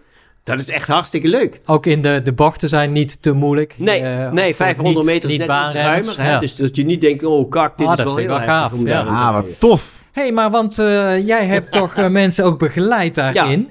En eh, vroeg me af, je hebt natuurlijk eh, Kai Even, ik maak even dit stuk Ja. af, want wat ik dus hoor, we hebben 21 mei onze 100ste Ja. aflevering gaan we doen. We hebben 27 augustus de cross triathlon in Renkum. Daar moet iets tussen, hè? Ja, dus volgens mij een dan soort is het van lekker warm. begin van de zomer gaan we naar Geleen. Gaan we een uur challenge doen. Maar e- even heel praktisch. Ja, ik word te praktisch. Misschien moet ik dit niet live on air doen. Maar ehm, kan dat ook met meerdere? Want je kan natuurlijk Ja, niet met dat- z'n allen in die baan gaan zitten. Nee, Dan heb je ja. last van elkaar. dat- dan- ja, last. Voordeel. Oh ja, dat is dan wel weer goed voor de waardes. Ploegentijdrit een uur. Ja. Dat zou ook nog We kunnen. gaan dat gewoon Ja, doen. We, We, zien wel hoe we dat... eh, uitwerken. ja, ja, precies. Leuk. Maar jij wilde nog even Ja, vragen want ik naar- was... eh, ja, Kai Reus is helaas eh, er toch... eh, die was van plan het aan te vallen, maar is daarmee gestopt. Ja, daar Ja, zat je ook nog een stukje in de begeleiding. Maar ik kan me ook herinneren dat je een, eh, iemand die voor het eh, 50 plus of 45 plus record ging, hebt begeleid. Hoe is, ja, ja. ja. is hij nog steeds? We hebben eh, Remco. eh, Remco, Remco Grasman. Grasman is ook nog aan het We hebben. Remco Grasman. En, en dat was precies op die baan in Geleen. Ja, En Remco heb ik toen... ik- Dat was denk ik al een jaar of vier zeker geleden, denk ik. En het was eind van het jaar, november, was echt nog wel perfect weer. En hij, hij reed toen nog meer dan 48 kilometer Oh, ja. Op een, gewoon een asfaltbaan. Die, eh, voor iemand die niet heel veel baanervaring heeft, ehm, dus niet het strakste lijntje kan aanhouden, was het echt een supergoeie prestatie. Ja. Dat was echt heel erg goed. Ja. Dus dat, was, dat, is- dat is gewoon, weet je, dan ga je kijken naar wat kan hij nou een uur volhouden. ehm, hoe kunnen we hem zo aerodynamisch mogelijk krijgen. Al die dingen Toen komen ben je dan gaan wel- rekenen. Ja, Ja. ja. dan ga je rekenen. Ja. Hoe is het weer? Hoe staat de wind? Nou. En- Leuk. Ja, dat is hartstikke leuk. Ja, het is Ik vind zo- dat jij hem daar ook gaat rijden, Jurgen. Ik vind het fascinerend record, zeker. Ja, Ja, maar de- laat het een challenge lezen. noemen. Het is gewoon Ja. een persoonlijke challenge. Precies. Eh, Je hoeft niet het record aan te vallen, maar dat kijk van je komt. tevoren een inschatting maakt van wat is voor jou mogelijk. Ja. En, eh, nou, het gaat natuurlijk pacen, kun je mooi oefenen. Ik ben al benieuwd hoe Gerrit na een half uur erbij zit. natuurlijk. ja, eh, Precies. Drinken Hey, doe je niet. ehm, ja. Leuk, laatste aflevering van het jaar. En een hele lange, hè? Want eh, nou, ik kreeg al een berichtje op Instagram van Eline Niemeyer uit Groningen. Mhm. Die zei, wat gaan jullie weer stoppen? Zwart gat. Eh, misschien is dat een van de Lekker. 205. Ja. Maar goed, eh, dus we, we brengen extra veel eh, content hier vandaag. Je kan hem dus ook in stukjes knippen. Hè? Misschien heb je hem al een keer of drie gepauzeerd. Ben je bij je volgende training nu. Want vijf weken rust, hoe komt dat nou voor de mensen die ons eh, korter kennen? Wij doen er 42 per jaar. Dat betekent dat we in 52 weken dus 10 weken overhouden. Dat doen we in de zomer en in de winter. Vijf weken even pauze. Is ook wel lekker. Zijn we er ook niet iedere week. Kun je ook weer naar ons gaan verlangen. Maar toen gingen wij tellen, Jurgen. En vijf weken na 31 december komen wij uit op vrijdag 11 februari. Tegelijkertijd zag ik een gemiste kans afgelopen zomer, maar toen zaten we ook met die zomerstop. Dacht Ja. ik, we moeten ook iets doen met samen sport kijken. Iets met wintersporten, want de Olympische Spelen komen eraan. Nou, leuk idee. Toen zei jij, ik zal eens even kijken wat er eigenlijk op 11 februari is. Ja. Goh. Nou, vertel eens, wat is er op vrijdagochtend 11 februari Ja, op de Olympische de- Spelen in Beijing? De, de mannen 10 kilometer schaatsen. Ja. Nou, als je het nou hebt je? over een onderdeel duursport, diepgaan, innovatie, Ja. wintersport En weer van de poel. en weer van de poel, maar dan een ander. Van de poel, ja zeker. Dus, dan hebben we nog een derde ingrediënt in de mix, namelijk onze producer Sander eh, van Live Online Events, die altijd zegt, ja leuk die podcast opnemen, maar voor mij wordt het pas echt interessant als we live gaan. Hmm. Dus, als cadeautje voor Sandra, nou, misschien kan die niet, maar we lossen het wel op. Gaan we, hebben we gezegd, weet je wat, als aftrap van het nieuwe seizoen gaan we een live uitzending Ah, maken. Gaan we samen met elkaar en met onze eh, luisteraars en kijkers eh, live naar de 10 kilometer kijken. Kijken. Ja. Eh, daarin, daar gaan we natuurlijk dan wetenschap omheen stoppen. eventueel kijkers vragen. Dus hier alvast een oproep. Zullen we ook nog wel via onze Waarom socials is doen. die van de poel zo goed? Ja, als jij een leuke vraag hebt over schaatsen of over wintersport, desnoods breder, eh, stuur hem in via de bekende kanalen die ik zo op het einde ga roepen. En eh, dan nemen we mee in die aflevering. Eh, we kunnen dan live chatten met kijkers en deelnemers. Dus ik zie zo voor me dat we je soort van je tweede scherm zijn. Hè, we kunnen natuurlijk niet Ja. die uitzending laten zien, want er zitten allemaal rechten op. Dus je kijkt naar ons, die naar hetzelfde kijken als jij. Je kijkt Ja. thuis zelf ook naar de tv. En je hebt ons als een soort tweede scherm erbij staan. En dan kunnen we samen gaan kijken. Want ja, het is toch goed half uur live.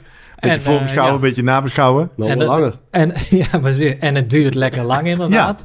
Is toch het groeien van gras? Nou, dan kun je net zo goed even... Half uurtje doen ze daar toch over? Beetje Of wel lullen. snel langer nog? Nee, volgens mij hebben ze acht ritten altijd of zo. Nee, oh, ik wil, oh En ja, dan- natuurlijk. Nee, maar een 10 kilometer. En Oh, maar 13 minuten. Ja, dat. Oh ja, maar die hele Keer serie. acht. Ja, ja, ja. Oh ja, ja, natuurlijk. eh, Oh nou ja. Met, Ja. met nog wel een dwelpauze, denk ik. Dus, ja, dus zei, je bent al meer dan twee uur. lekker lang. Oh, wordt een uitzending. marathon-uitzending Ja. ook. Dus we Ja. eindigen lang en we beginnen lang. ja. En van- daarna gaan we gewoon lekker door naar de aflevering 100. Met nou, dus al deze gadgets en dingen die we gaan uitproberen en bespreken.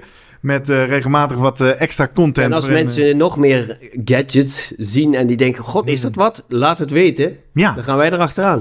nou, daarover toch nog even een leuk bruggetje. Eh, we hadden natuurlijk onlangs hadden we het over... eh, ben je een ochtend- of een avondmens? En kun je dat Ja. beïnvloeden met brillen? Ja. Guido, misschien nog Ja. even een leuk verhaal... wat er gebeurde naar aanleiding van die aflevering? Ja, toen kregen we even ProPeak eh, contact en... ehm, Die oproep deden we in de aflevering, hè? Dus dat lukte dus ook. Sinds, eh, daar heb ik eh, met eh Twan Schouters van ProPeak heb ik contact gehad. Leuke conversatie en heeft me zo'n bril opgestuurd. Dus ik zit nu deze winter te kijken of ik wat aan mijn... mijn Ja, wat, wat ben je daar eigenlijk mee aan het doen? Ja, kan, ik, ga niet, ik ga niet op vakantie, dus ik ga ook niet naar een andere tijdzone. Dus ik ben meer praktisch aan het bekijken van wat, eh, hoe, hoe werkt het, hoe, hoe draagt het en zo. Ik ben niet met mijn eigen tijdzones aan het Aan het verleggen. Ik denk, weet je, ik ga nu eens proberen of ik nu een drie uur s'nachts gewoon op mijn best ben. Mhm. Ja, dan worden ze bij mij thuis niet echt Nee, vrolijk, denk precies. ik. Dat Nee, papa maar het je- huis gaat rammen. Ik ben al heel benieuwd. Die, die zet je dan de hele nacht op.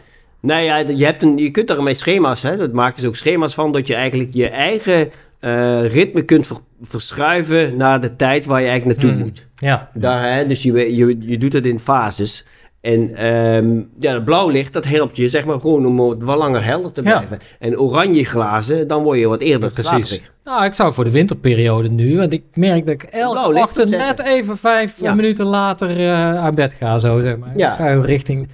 Dus ik, eh, nou, laat, laat me weten hoe het bevalt. Ik ben, Ja. Ja. Ja, ik vond het ook. Ik denk, nou, dat is wel een leuk item om te testen. ja. Ja. Ga jij nog iets uitproberen, Jurgen? Ga ik nog iets Of ga, Ja, jij gaat gewoon fit worden? kinesiotape. Ja. Ja. precies. En zorgen dat je weer lekker mee kan doen. Gewoon helemaal vol tapen met kinesiotape. Ga je nog eh, vorig jaar bij deze jaaroverzicht aflevering... eh, hadden we onze mond vol over Dry January? Ga je dat nog herhalen? Eh, is minder aan de orde. Ik drink sowieso minder, maar om nou de hele januari te stoppen. Nou ja, eh, ik, ik durf daar best wel wat over te zeggen. Er was natuurlijk al eh, ooit het plan, en dat zullen er meer hebben gehad, om misschien wel de eerste week van januari de sneeuw op te zoeken. Ah, En dan eh, na een, een dag skiën in de Dan sneeuw vind ik een drankje soms wel lekker. Dus toen dacht ik, nou, misschien moeten we dat dan... Ja, niet, maar nu Misschien dry corona February. En met al die landen die zeggen, nou, blijf Ja. lekker thuis. Ja. Ga ik het gewoon weer doen. Ja, dat, Ah, eh, ja. ja. Dus jij zegt, als ik op wintersport ga, zet ik de joker in. Herkenbaar. ja. En als je thuis blijft, dan eh, gaan we draaien. En, eh, en we hebben natuurlijk een, een aflevering gehad over alcohol. Ja, en, eh, 72. dat Waarom je daar beter, fitte dat je daar beter van ging sporten. Of heb ik het niet meer Nee, goed dat heb je niet goed begrepen. Nee. De relatie was andersom. Ja, dat veel fitte mensen ook hem graag lusten. Goed dat jij opgelet Ja, hebt, zeker, ja. zeker, zeker. Mooi jongens. Eh, top. Ik denk dat we langzaam eh, richting een einde komen. Guido, jij nog een, een wens of uitsmijter voor volgend jaar? Nee, ik denk eh, net zo mooie uitzendingen maken, net zo gezond blijven als dit jaar. eh, en eh, zonder virus. eh, Ja. Precies. Gezond blijven. Dat geldt, geldt voor Ja. ons allemaal. ja, En Gerrit naar de, naar de eindstreep. eh, ja, ja, ja, ja, een toptijd voor Gerrit eh. Ja, ja, ja, ja, dat Mooi is natuurlijk leuk. ook. Leuk. oké. Jij Gerrit nog? Ja, nou ja, ik heb dus allerlei Ja, plannen. Ja, daar heb ik natuurlijk in de aflevering van Lieke eh, veel gehad over. Ik ga het volgend jaar allemaal anders doen. Toen kreeg ik al wat berichtjes. Wat ga je volgend jaar doen dan? nou, je ziet het al een beetje om ons heen. Ik heb, ik heb veel werk afgehouden de afgelopen drie, eh, of de komende drie maanden. Dus mijn eerste kwartaal 2022 is bijzonder rustig.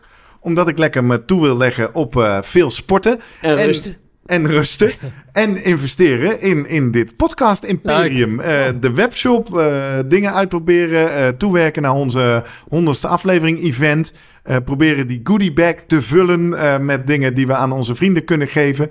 Dus daar kijk ik enorm naar uit. En daar ga ik lekker me op storten. Ja. En daarom ga ik toch nog maar een keer op het einde van zo'n aflevering roepen hoe jij ook alweer met ons in contact kan komen. Bijvoorbeeld via social media zijn we te vinden als de Slimmer Podcast op Twitter en Instagram. Als je het nog niet gedaan hebt, druk gewoon even op volgen, zodat die aantallen ook wat omhoog komen en ik daarmee kan schermen bij al die organisaties. En kijk, doe ik een postje op Instagram en dan kom je onder de aandacht bij al deze leuke mensen. Ehm, daarnaast kun je natuurlijk naar onze website www.slimmerpodcast.nl vind je van iedere aflevering een eigen pagina waaronder je ook reacties kan achterlaten. En die link die kan je kopiëren en doorsturen naar al je vrienden en vriendinnen. Ehm, daar worden zij dan ook slimmer van, kunnen ze meedoen. En je kan ons ook mailen via post.slimmerpodcast.nl. Nou, er gebeurt volop. Inmiddels, Jurgen, ben jij ook aangesloten op de inbox. Dus duurt het soms iets minder lang voordat mensen Maar reactie ja, krijgen. omdat mensen ook soms hele verhalen hebben. Leuk hè? Ja, het is Ja, wel leuk. zeker. Maar dan denk Ja. ik ook wel, dan zie ik dat op mijn telefoon. Denk ja, moet ik wel even goed Ja. reageren. Ja. Maar ja, voordat ik daar dan weer tijd voor heb. Het is niet even een antwoordje van ja, nee. Ja, leuk, dankjewel. Nee, Ja. dus dat eh, duurt soms even. En eh, ja, ik ga het nog één keer zeggen. eh, vriend van de show.nl slash slimme podcast. Daar kun je vriend worden. Daardoor kun je dan ook lid worden van onze Slimmer Presteren Strava Club. En ik dacht, misschien wel aardig zo eind van het jaar. eh, ik ga een hoop mensen bedanken om nu één keer, het zijn er namelijk nog maar 38, één keer alle vrienden ook even te mentionen en te bedanken. En dan beginnen we met de eerste vriend, Remco Renes. Monique, dat is mijn moeder. Leuk. Eh, Manolo, dat is jouw broer. Hè, dat was in het begin, hè, begonnen we dichtbij. Maar toen Piet, volgens mij is dat Piet de Pauw uit eh, Vlaanderen. Klaus van Tevelen. Harmen, Harmen van de Pannen. Pepijn. Jan Steehouwer hebben we al vanaf het begin erbij. Edo van der Meer, waarmee in Ameland eh, samen opliep. Sna, dat is dus de befaamde Hans Luijendijk, hè, die Ja. eh, ons eh, veel tips geeft. Ja. Menno is Menno Veldman uit Amerongen, heel fanatiek. Teun, Timo, Brecht, Martin Bredijk, veel reacties van ook. Niels van Afts, Ferdinand kwamen we tegen in Renkum. Shaki, Marlies, Herman, Bart, Jurre, nog een Monique, Corine Jansen. Die zit ook, er zitten een aantal meer van die Nutritip, Linda Zenger. Die zit volgens mij in die survival run wereld. Ah, We hebben ook een aantal leuke eh, luisteraars en fans. Raoul Wallaert, Oda, Jacco, Fred Vonk, Jaap Jochman, Han van Donk zijn beide UATT-vrienden. Eh, Jaap-Jan, Ivo Habets, Martijn, Saskia, Jeroen Vos, Corné, Johan Neven.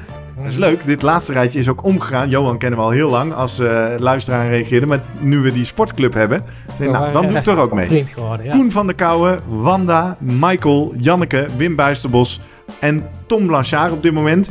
En als het nu 1 januari is en je gaat onderaan onze website kijken waar deze lijst staat en je zegt, hey, daar staan meer namen, ik ben niet genoemd. Ja, je weet, we nemen Ja. altijd iets eerder op, hè. Dus dit is eh, de stand eh, zoals die vandaag is. Dus eh, leuk, doe mee. En natuurlijk ook op deze plek even een shout-out natuurlijk naar Sander, onze vaste producent, en Jochem, onze editor. Dank voor het mooie werk en de mooie afleveringen. Zeker. En dan gaan we nu toch eh, echt aan de oliebollen. Zelfs een paar dagen voor oud en nieuw, denk ik, hè? Yes. Eindelijk, hè? Mooi, jongens. Yes. Dankjewel. Ja, fijne jaarwisseling allemaal. Leuk dat jullie er waren. En tot over een week of vijf, eh 11 februari. Als je nou vriend van de show bent, dan krijg je vanzelf een uitnodiging naar die live-uitzending. En ik zal ook even op mijn YouTube-kanaal eh, een link naar die live-uitzending zetten. Dat is op youtube.com slash Gerrit Heikoop. Dat is hem, jongens. De laatste aflevering van 2021. Hele marathon weer, maar... Ik zou eh, zeggen tot volgende week. Maar Ja. ik zeg dus tot over vijf weken. Jo, Dat is goed. tot dan. Hoi.